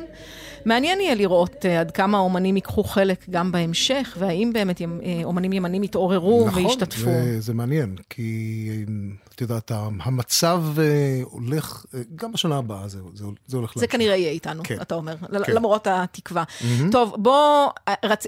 הייתי אומרת שזה איזשהו אסקפיזם, איזו בריחה, אבל בסוף מדובר בסיפור אמיתי, מה שנקרא. אחד האירועים הטלוויזיוניים הגדולים של השנה הזו בעיניי, היה הסדרה א', על פרשת אה, אה, האונס של אה, הנשיא משה קצב, כאשר אה, זווית הראייה הייתה... אה, אולי סוף סוף צריך לומר, אה, מי שלא היו להן אה, המיקרופונים לאורך התקופה, mm-hmm. המותקפות. כן. וזה זה מטלטל, וזה גם כשזה עלילתי, ואלה שחקנים ושחקניות שאתה מכיר, אתה יודע כל הזמן במוח, מנקר את המחשבה שהדבר הזה קרה במציאות, באופן זה או אחר. אז זו הזדמנות לומר בוקר טוב לאברהם שלום לוי, שחקן, מחזאי, תסריטאי ויוצר הסדרה הזאת א', בוקר טוב לך. בוקר טוב, שנה טובה לכם. ובוקר טוב לך, אודליה כרמון. בוקר טוב, שנה טובה, כן. ושנה טובה לך, אברהם. כן, את היית. עדה אה, במשפט הזה של קצב, את היית יועצת התקשורת במערכת הפוליטית ויוצרת שותפה גם של הסדרה הזאת. והייתי רוצה להבין קודם כל איך נוצר החיבור ביניכם. האמת שכל הקרדיט על הסדרה הזאת צריכה להגיע לאברהם. מאלף עד מדובר ביוזמה שהיא שלו, וגם כל הראייה והפרספקטיבה והכתיבה המדויקת והחכמה זה הכל לזכותו. הסיפור הוא אמנם הסיפור שלי ובהשראתי, אבל uh, היצירה כפי שהיא, uh, והיא נחשבת, uh, אני שמחה לדעת, ליצירה מאוד מאוד חשובה ונחשבת, mm-hmm. אז זה מאוד משמח אותי, ההצלחה שלו, וכתוצאה מזה ההצלחה שלי ושל כולנו. כן. אברהם, אז באמת, אני חושבת על איך שמענו את הסיפור הזה אה, דרך התקשורת, דרך החדשות, ובאמת בסוף לנשיא מדינה יש אה, יותר תשומת לב, שומעים אותו יותר. חשבת אה, באופן מאוד מעניין בעיניי ללכת ולשמוע עוד כל מיני כיוונים, ולאו דווקא הצפויים והמובנים בסדרה הזאת. מאיפה זה הגיע? איך ידעת שיש שם סיפורים מעניינים בכלל? אמ, קודם כל אני חייב להגיד שהפגישה ביני ובין אודליה הייתה כל כך מקרית, אבל לא מקרית. את יודעת, פגשתי אותה בבית קפה ופשוט ניגשתי ואמרתי לה כמה אני מעריך את מה שהיא עשתה, כי בעיניי זה היה אה, מאוד, מאוד פורץ דרך ו, ו, ודי הציל את הסיטואציה מ, מלגבוה. אמ, אז האוטומט שלי הלך להקשיב לסיפור של, קודם כל לסיפור של אודליה, קודם כל לסיפור הנשי. ואז צללנו באמת לתקופה מאוד מאוד ארוכה של אה, תחקיר, שבאמת אה, קראתי כל דבר אפשרי ושמעתי כל דבר אפשרי, וזה באמת סחב אותי להבין שיש פה איזו מורכבות שצריך לנסות להביא אותה אל הבמה, כי זה באמת מורכבות וזה באמת מאוד מסובך, בגלל זה לקח לנו כל כך הרבה שנים של עבודה על הסדרה הזאת. אני רק אציין, וקודם כל תודה רבה לאודליה על המחמאות המהממות. רק אציין שכתבה איתי את הסדרה תמר מרום, mm-hmm. וזה באמת היה מלאכת מחשבת שלקחה הרבה הרבה זמן להגיע להבנה שזה נקודות מבט שונות בסדרה, ושכל אה, דמות כזאת מושכת בעצם את הפרשה כמו, ב, כמו במרוץ שליחים, שכל אחת מביאה את, ה, את הלפיד לבאה אחריה, והיא ממשיכה אה, ומקדמת אותנו אל, אל הנקודה הטובה יותר. תגידי, אודליה, אני מבין שאת החלטת לצאת עם הסיפור של הפרשה הזאת גם כספר, אה, בעיקר אחרי שעברת כן. אה, בכל מיני אה, בתי ספר תיכוניים לפני כמה שנים, ונדהמת לגלות שאין להם מושג מי זה קצב ומה זו הפרשה הזאת, נכון? והיה איזה חוסר מודעות זה- כזאת ש... זה פשוט לא יאומן. אני הופעתי בבתי הספר המובילים בתל אביב, מהמם. ונדהמתי לדעת ששכבות י"א וי"ב, ואיך אומרים, ריכזו את כל השכבה באולם ההתעמלות, מהמם. ואף אחד באף בית ספר לא ידע על מה אני מדברת. זה הדהים אותי ברמות שקשה לתאר, כי נדמה היה לנו שנפל דבר בישראל, והדברים האלה לא יקרו, וזה יהדהד לשנים, והנה אני מגיעה כמה שנים אחרי, ואף אחד לא יודע מה הסיפור הזה. כך שמבחינתי הסדרה אה, פתחה צוהר ל- להשכלה הכללית ולהבנה של העניין, דווקא לדור הצעיר שלא היה מודע לזה, והפידבקים שאני מקבלת מבחורות צעירות כשאני מסתובבת בעיר, זה מבחינתי האינדיקציה שכמה שהסדרה הזאת הייתה חשובה. תגידי, מבחינה אישית, באמת- כשראית על כן. המסך את הדמות של אביגיל רימון, אה, שהיא כן. מגלמת בעצם אותך, אה, מה הייתה התחושה? את ראית באמת את ה... את ה... את כל השתלשלות הסיפור הנורא הזה, אה, והצטמררת, או מה, מה, מה עובר עלייך כשאת רואה את זה? אה, אני אגיד לך, קודם כל הדברים הם שונים, אני הייתי נשואה, גם לילדה, הנסיבות שלי היו שונות. מהמם. אבל הנתק הרגשי במהלך השנים האלו הוא כזה שפשוט אה, הסתכלתי והתלהבתי מה... אה, מדנה מיינארט, השחקנית המדהימה ששיחקה אותי. ונהניתי נהניתי מהתפתחות העלילה, כאילו שזה מנותק לחלוטין ממני. כן. אה, זה דבר אחד. מה שאני חייבת להגיד שלי היה מאוד חשוב, כי בעצם אני שנים עבדתי עם עשרה אישי ציבור מובילים. כן. ומה שלא לא ידענו בהתחלה, שאברהם ואני ישבנו, אם אנחנו לוקחים את זה לכיוון נתניהו וכל מיני פוליטיקאים, או מתמקדים בסיפור של קצב. אבל היה חשוב לי שירגישו איך פועלת המערכת הפוליטית. ואני חושבת שזה דיבר לכולם בעת הזאת, דווקא משום שכולם ראו איך אנשים פועלים כשמתכופפים בפני הכוח ומתקרנפים וחוששים, והאינטרסים הפוליטיים שפועלים על כל צעד ושעל של, של הגיבורות או הקורבנות של הסיפור הזה. כך שאני חושבת שהסדרה דיברה גם אל הרבה גברים, לא רק מבחינת מראה, איך לפעמים ההתנהגות שלהם נראית בעין הנשית, אלא גם איך פועלת המערכת הפוליטית. ואני חושבת שלכן, אה, לא באופן מודע, הסדרה בעת הזאת נגעה להרבה מאוד אנשים. אברהם, כשכותבים כן. סדרה צריך בסוף לאהוב גם את הנבל, או לפחות להיות נכון. מרותקים אליו. והנבל שלנו הוא נבל שהיה ברור שזה איום ונורא. אז איך, איך מתמודדים עם הדבר הזה? אתה צריך בכל זאת, זאת אומרת, להבין את המניעים שלו, זה, זה לא קל.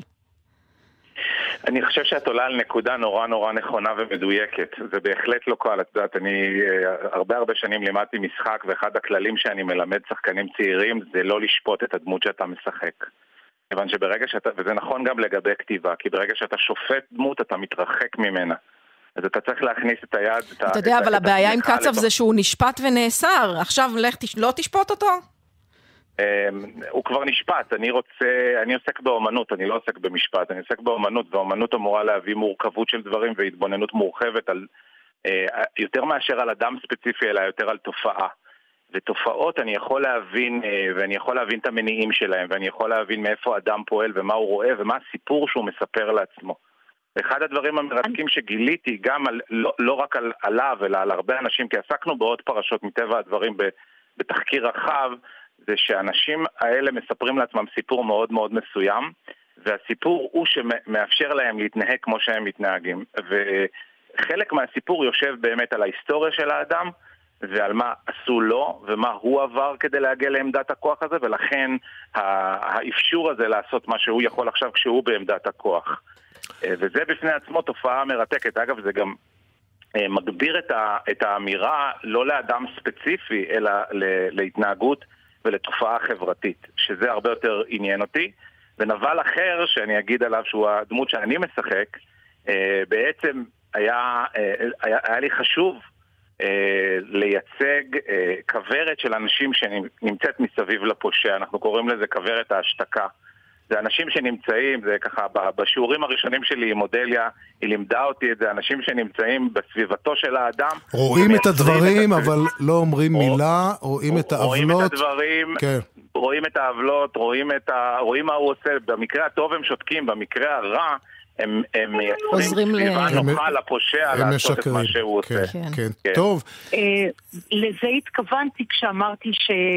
זה משקף את המערכת הפוליטית. אבינועם הוא, דמו, הוא דמות פיקטיבית של סך כל הנבלים שעבדתי איתם כיועצים פוליטיים בסביבות כן. השרים הש... ולא שאנחנו אומרים שכל היועצים הפוליטיים הם נבלים, כמובן רק שלא. רובם. הם לא, הם לא, אוי, אוי, אוי. שהקיפו אותי לדאבוני לא עשינו הרב, סטטיסטיקה. היו כאלה. כן, טוב, אנחנו רק נסתפק להגיד- בזה, כן, אוקיי. במילה. כן.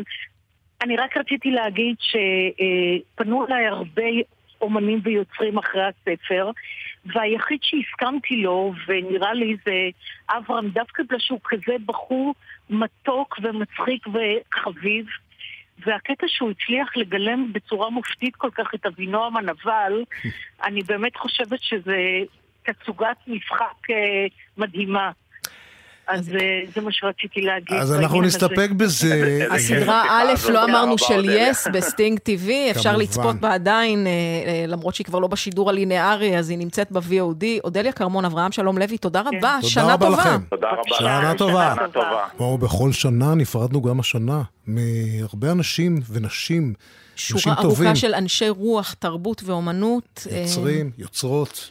אה, לצערי אנחנו אף פעם לא מספיקים אה, ברדיו, בזמן המצומצם של סיכום שנה, להזכיר את כולם, אבל חשוב לנו ככה לפחות כמה מהם אה, עם איזשהו זיכרון גם של מה הם אמרו לנו ובכלל, ומה המשמעות שלהם בחיים בעיניי של המדינה, של העם הזה. אז בואו ניזכר.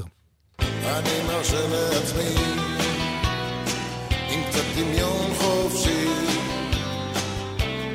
שנינו ביחד את ואני יצחק קלפטר, בסוף מתים. מה שנשאר זה מה עשית באמצע, בין הלידה למוות. אני ניסיתי להשתלט על איזה דברים שחשבתי שהם יפים, להיות מסוגל לעשות אותם. וזהו.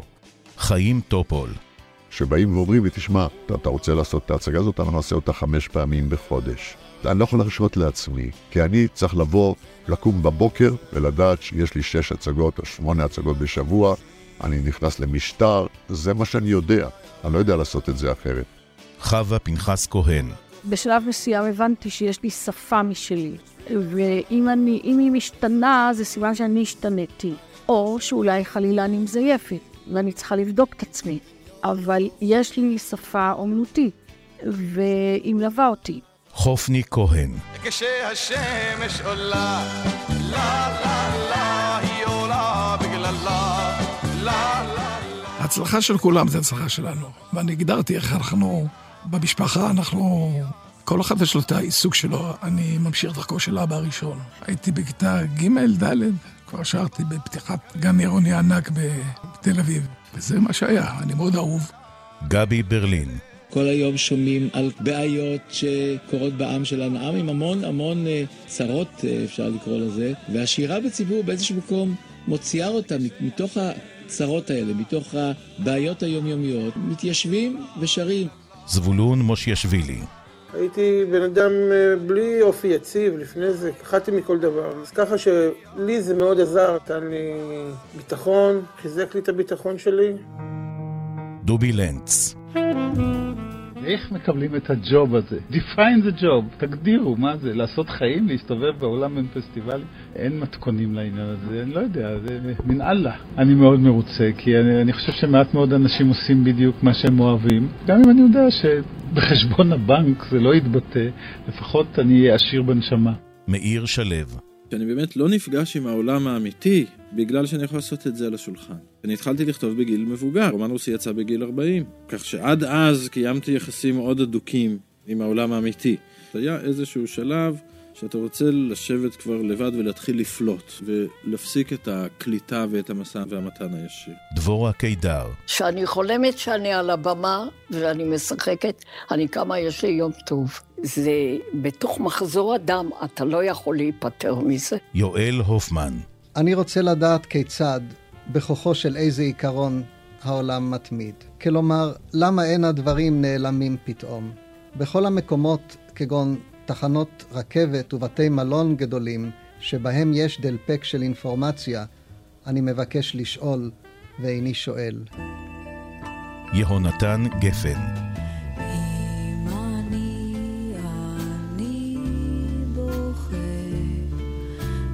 לא.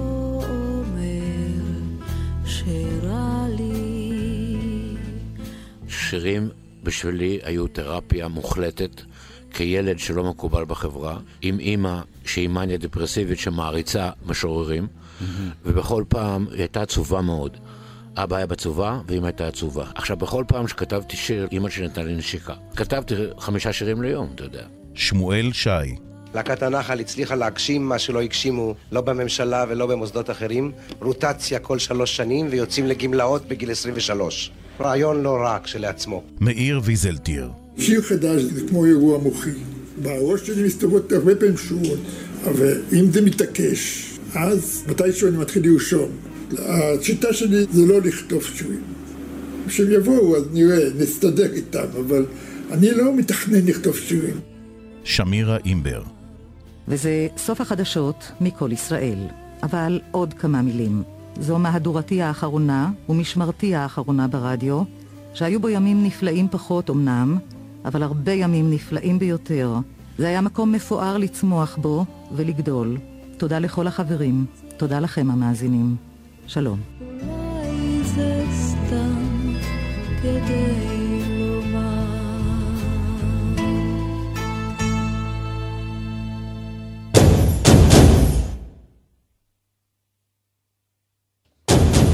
זה מאוד דרמטי, אבל מאוד. בדרך כלל מחול הוא לא נגיד להמונים. מהמם. זה לא, זו לא האומנות שעושה את זה. חוץ מאם מדברים על בת שבע והנפאזה.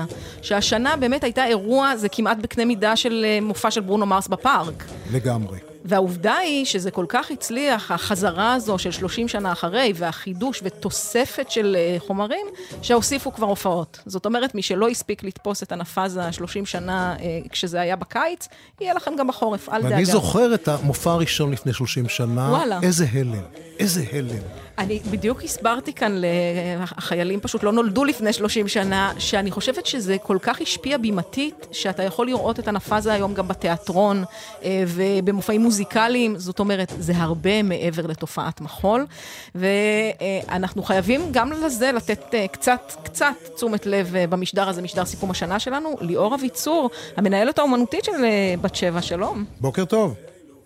בוקר טוב. תראי, עכשיו אתם כבר אחרי, אה, אה, נקרא לזה מקבץ ההופעות הראשון, אני מניחה שאת מתרגשת כמעט כמונו מהחוויה המשותפת הזו עם הקהל. לגמרי, לגמרי. זאת הייתה אה, חוויה עוצמתית עבור כולנו, ואנחנו מחכים לעוד אחת. האמת היא, אה, האמנתם שזה יהיה כל כך מוצלח ומצליח? אה, אני חושבת שכן, אני חושבת שאחרת לא, לא היינו הולכים על ההרפתקה המשוגעת הזאתי, אה, וגם אה, לא- לא היינו יכולים מראש לגשת להרפתקה הזאת בלי שותפות של טו-מיקס הפקות, בראשה יוני פיינגולד, אני חייבת לציין את זה, כי בלי שותף, מהמם. מופע בקנה מידה כזה לא יכול להתקיים בארץ, לא ללהקת מחול בודדה. אז אני חושבת שכן, היה הרבה אמונה בדבר. האמת היא שצריך פה, הקרדיט על ההפקה הוא מוצדק שבעתיים, שוב, למי שלא ראה או ראתה את המופע, ועוד יש הזדמנויות, כי נפתחו תאריכים חדשים. אה, עשיתם כאן הפקה שהיא לא הפקת מחול רגילה. הבמה היא מבנה, קונסטרוקציה מיוחדת, וצריך אה, באמת, לדעתי, יותר מ-40 רקדנים נמצאים שם אה, באיזשהו שלב על הבמה, רקדנים ומופ... זה מטורף, זה, זה דברים שעושים, מה שנקרא, במצדה. נכון, לגמרי, ואני אפילו אספר לכם שהסיבוב הבא יהיה אפילו קצת יותר גדול. אה, לא, את עכשיו, את הורגת אותי, אני אצטרך לבוא שוב. וואו. לגמרי. תגידי, כן, אה, אה, לא חוזרים על אותו דבר פעמיים, אם נפגשים שוב עם החומר, אז יש איזה איזה העצמה נוספת מסוימת. ש... דוק, דוקטור ליאור אביצור, תגידי, הנפאזה כן. 2023 היא הרבה יותר פוליטית, נכון? מהגרסה המקורית. אה, גדושה בהמון מסרים, למשל אה, הקול של אה, הסופר דוד גרוסמן, שמדבר על תחושת הבית, למרות הכל, כאלה. נכון, אני חושבת שהנפאזה הייתה פוליטית גם לפני 30 שנה. יש באמת את הקטע החדש הזה, המאוד משמעותי, של דוד גרוסמן, שמדבר על תחושת הבית, על, על המחויבות שלנו, על התסכול המסוים, אבל על חוסר הפריבילגיה שלנו לאבד תקווה. זה רגע מאוד מאוד אה, משמעותי בעבודה בסיבוב הזה, mm-hmm. בהחלט. ספרי כאן על המעורבות של... אבל הייתה תאונה כן. מאוד אה, גם בעבר, כן. אז אני, הייתי רוצה לשמוע באמת על, על המעורבות של אוהד נהרין אה, בגרסה החדשה הזאת, בחזרה שלו אל, ה, אל היצירה הזאת.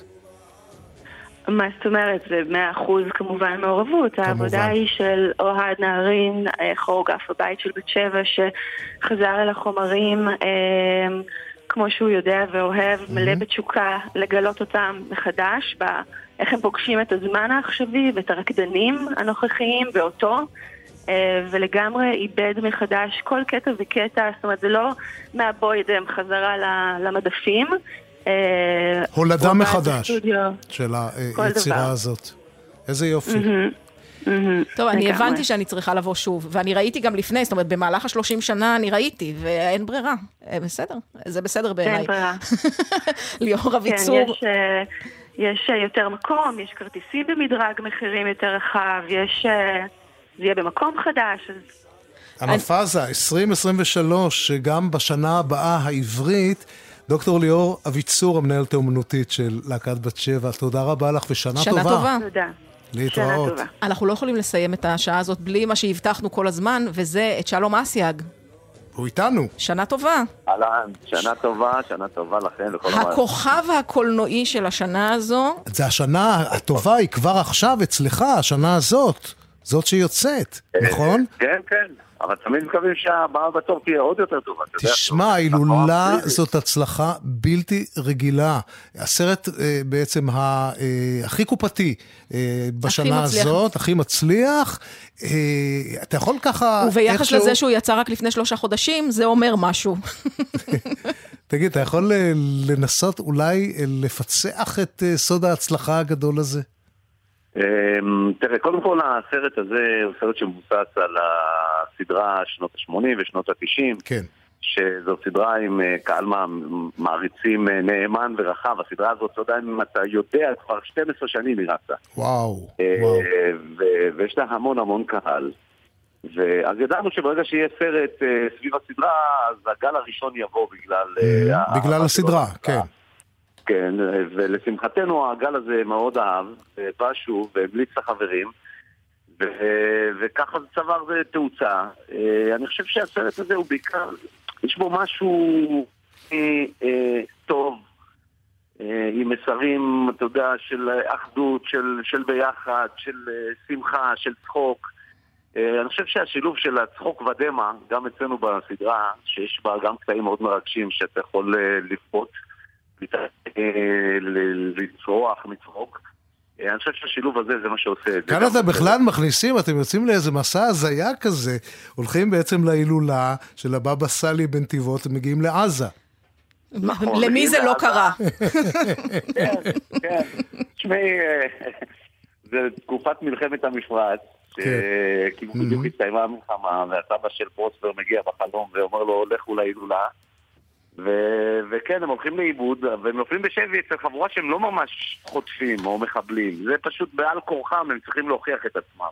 כן. אה, אז כל המפגש ההזוי הזה של כל המוזרים של השכונה, ביחד עם שלושת החוטפים הלא מיומנים האלה, אה, יוצר אה, המון מצבים קומיים. וגם מצבים מרג... מרגשים, וגם מצבים כזה שמראים שכולנו בני אדם בסוף, אתה יודע, שם כל מיני מחוות של שני הצדדים. אה, אז, אז אני חושב שהמסר הזה, המשהו הטוב הזה, אנשים יצאו מהמסר הזה, מהסרט הזה עם משהו טוב, עם תחושה שהם ראו משהו טוב עכשיו, מעבר למצחיק לא מצחיק. כן. אני חושב שזה זה הדבר המרכזי שעובד בסרט. אני רוצה התייחסות שלך למה שאמר אה, מני אסייג, אח שלך. אחד, מני אסייג, אולי אתה מכיר אותו. דיברנו ודובר רבות בעניין, אה, מני אמר משהו שלא צריך להגיד. אה, אני, באמת, אני חושב שדעות בקהלים, באומנים, בגלל דעות אה, כאלה ואחרות, זה דבר אה, גרוע מאוד. אה, וכמובן ש, שהמסר שלי הוא בדיוק ההפך. אנחנו עושים אומנות לכולם. כל מי שרוצה, ולא אכפת לי באיזה דעות הוא מחזיק, רוצה לבוא ולראות, מוזמן בשמחה גדולה. אתם מדברים על העניין הזה? תשמע, טבע הדברים, דיברנו על זה קצת כמו כן. לא, אבל זה זה יצר איזשהו שיח, הוא שכנע אותך, אתה שכנעת אותו? לא, הוא לא שכנע אותי ואני לא שכנעתי אותו, אני פשוט מסביר לו שזו לא הדרך. גם אם הוא מחזיק בדעות כאלה ואחרות, זכותו כמובן, זכותו להיות ימני וזכותו לתמוך רפורמה, זכותו מה שהוא רוצה.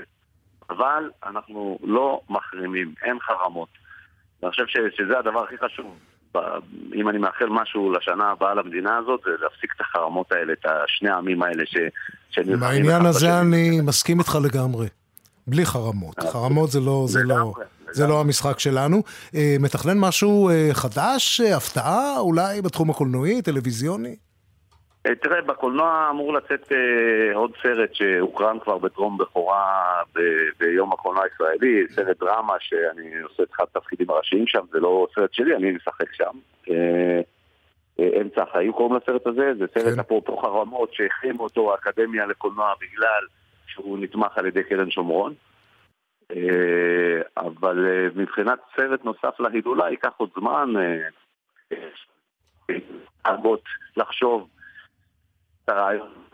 אתה קצת איבד- כן, מתנתק איבדנו לנו, אותך. איבדנו אותך בדרך, אני מקווה שאתה לא בדרך לעזה. איך שדיברת על קרן קולנוע שומרון, עוד אחרי זה יגידו שזה בגללנו.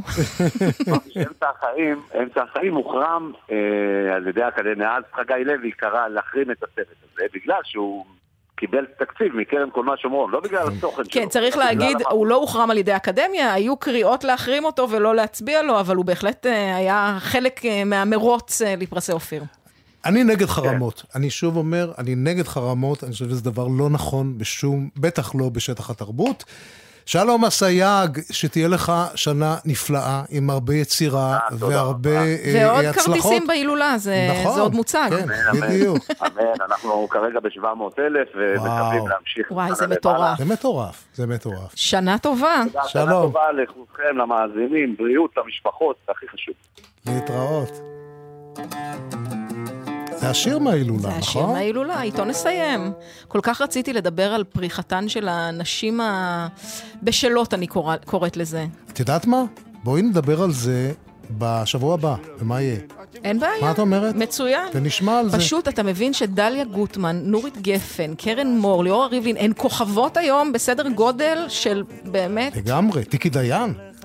אין לתאר, זה פשוט נהדר. אבל אנחנו נאלצים uh, לסיים, כי נגמר, uh, נגמר הזמן פשוט. אחרת היינו עוד ממשיכים. אמרנו בהתחלה שהייתה שנה מצוינת תרבותית, והיא אכן הייתה מצוינת הייתה, תרבותית. אה, את רוצה להיות בתפקיד הרולר? לא, לא, לקח את זה מכאן. אוקיי, המפיקים שלנו, יואב מוסק, ענבל וסלי, שיר דוד, ורדי שפר, מאיה גונן. הטכנאי הוא עמית פבלוביץ' וגלעד הראל, יחד איתו.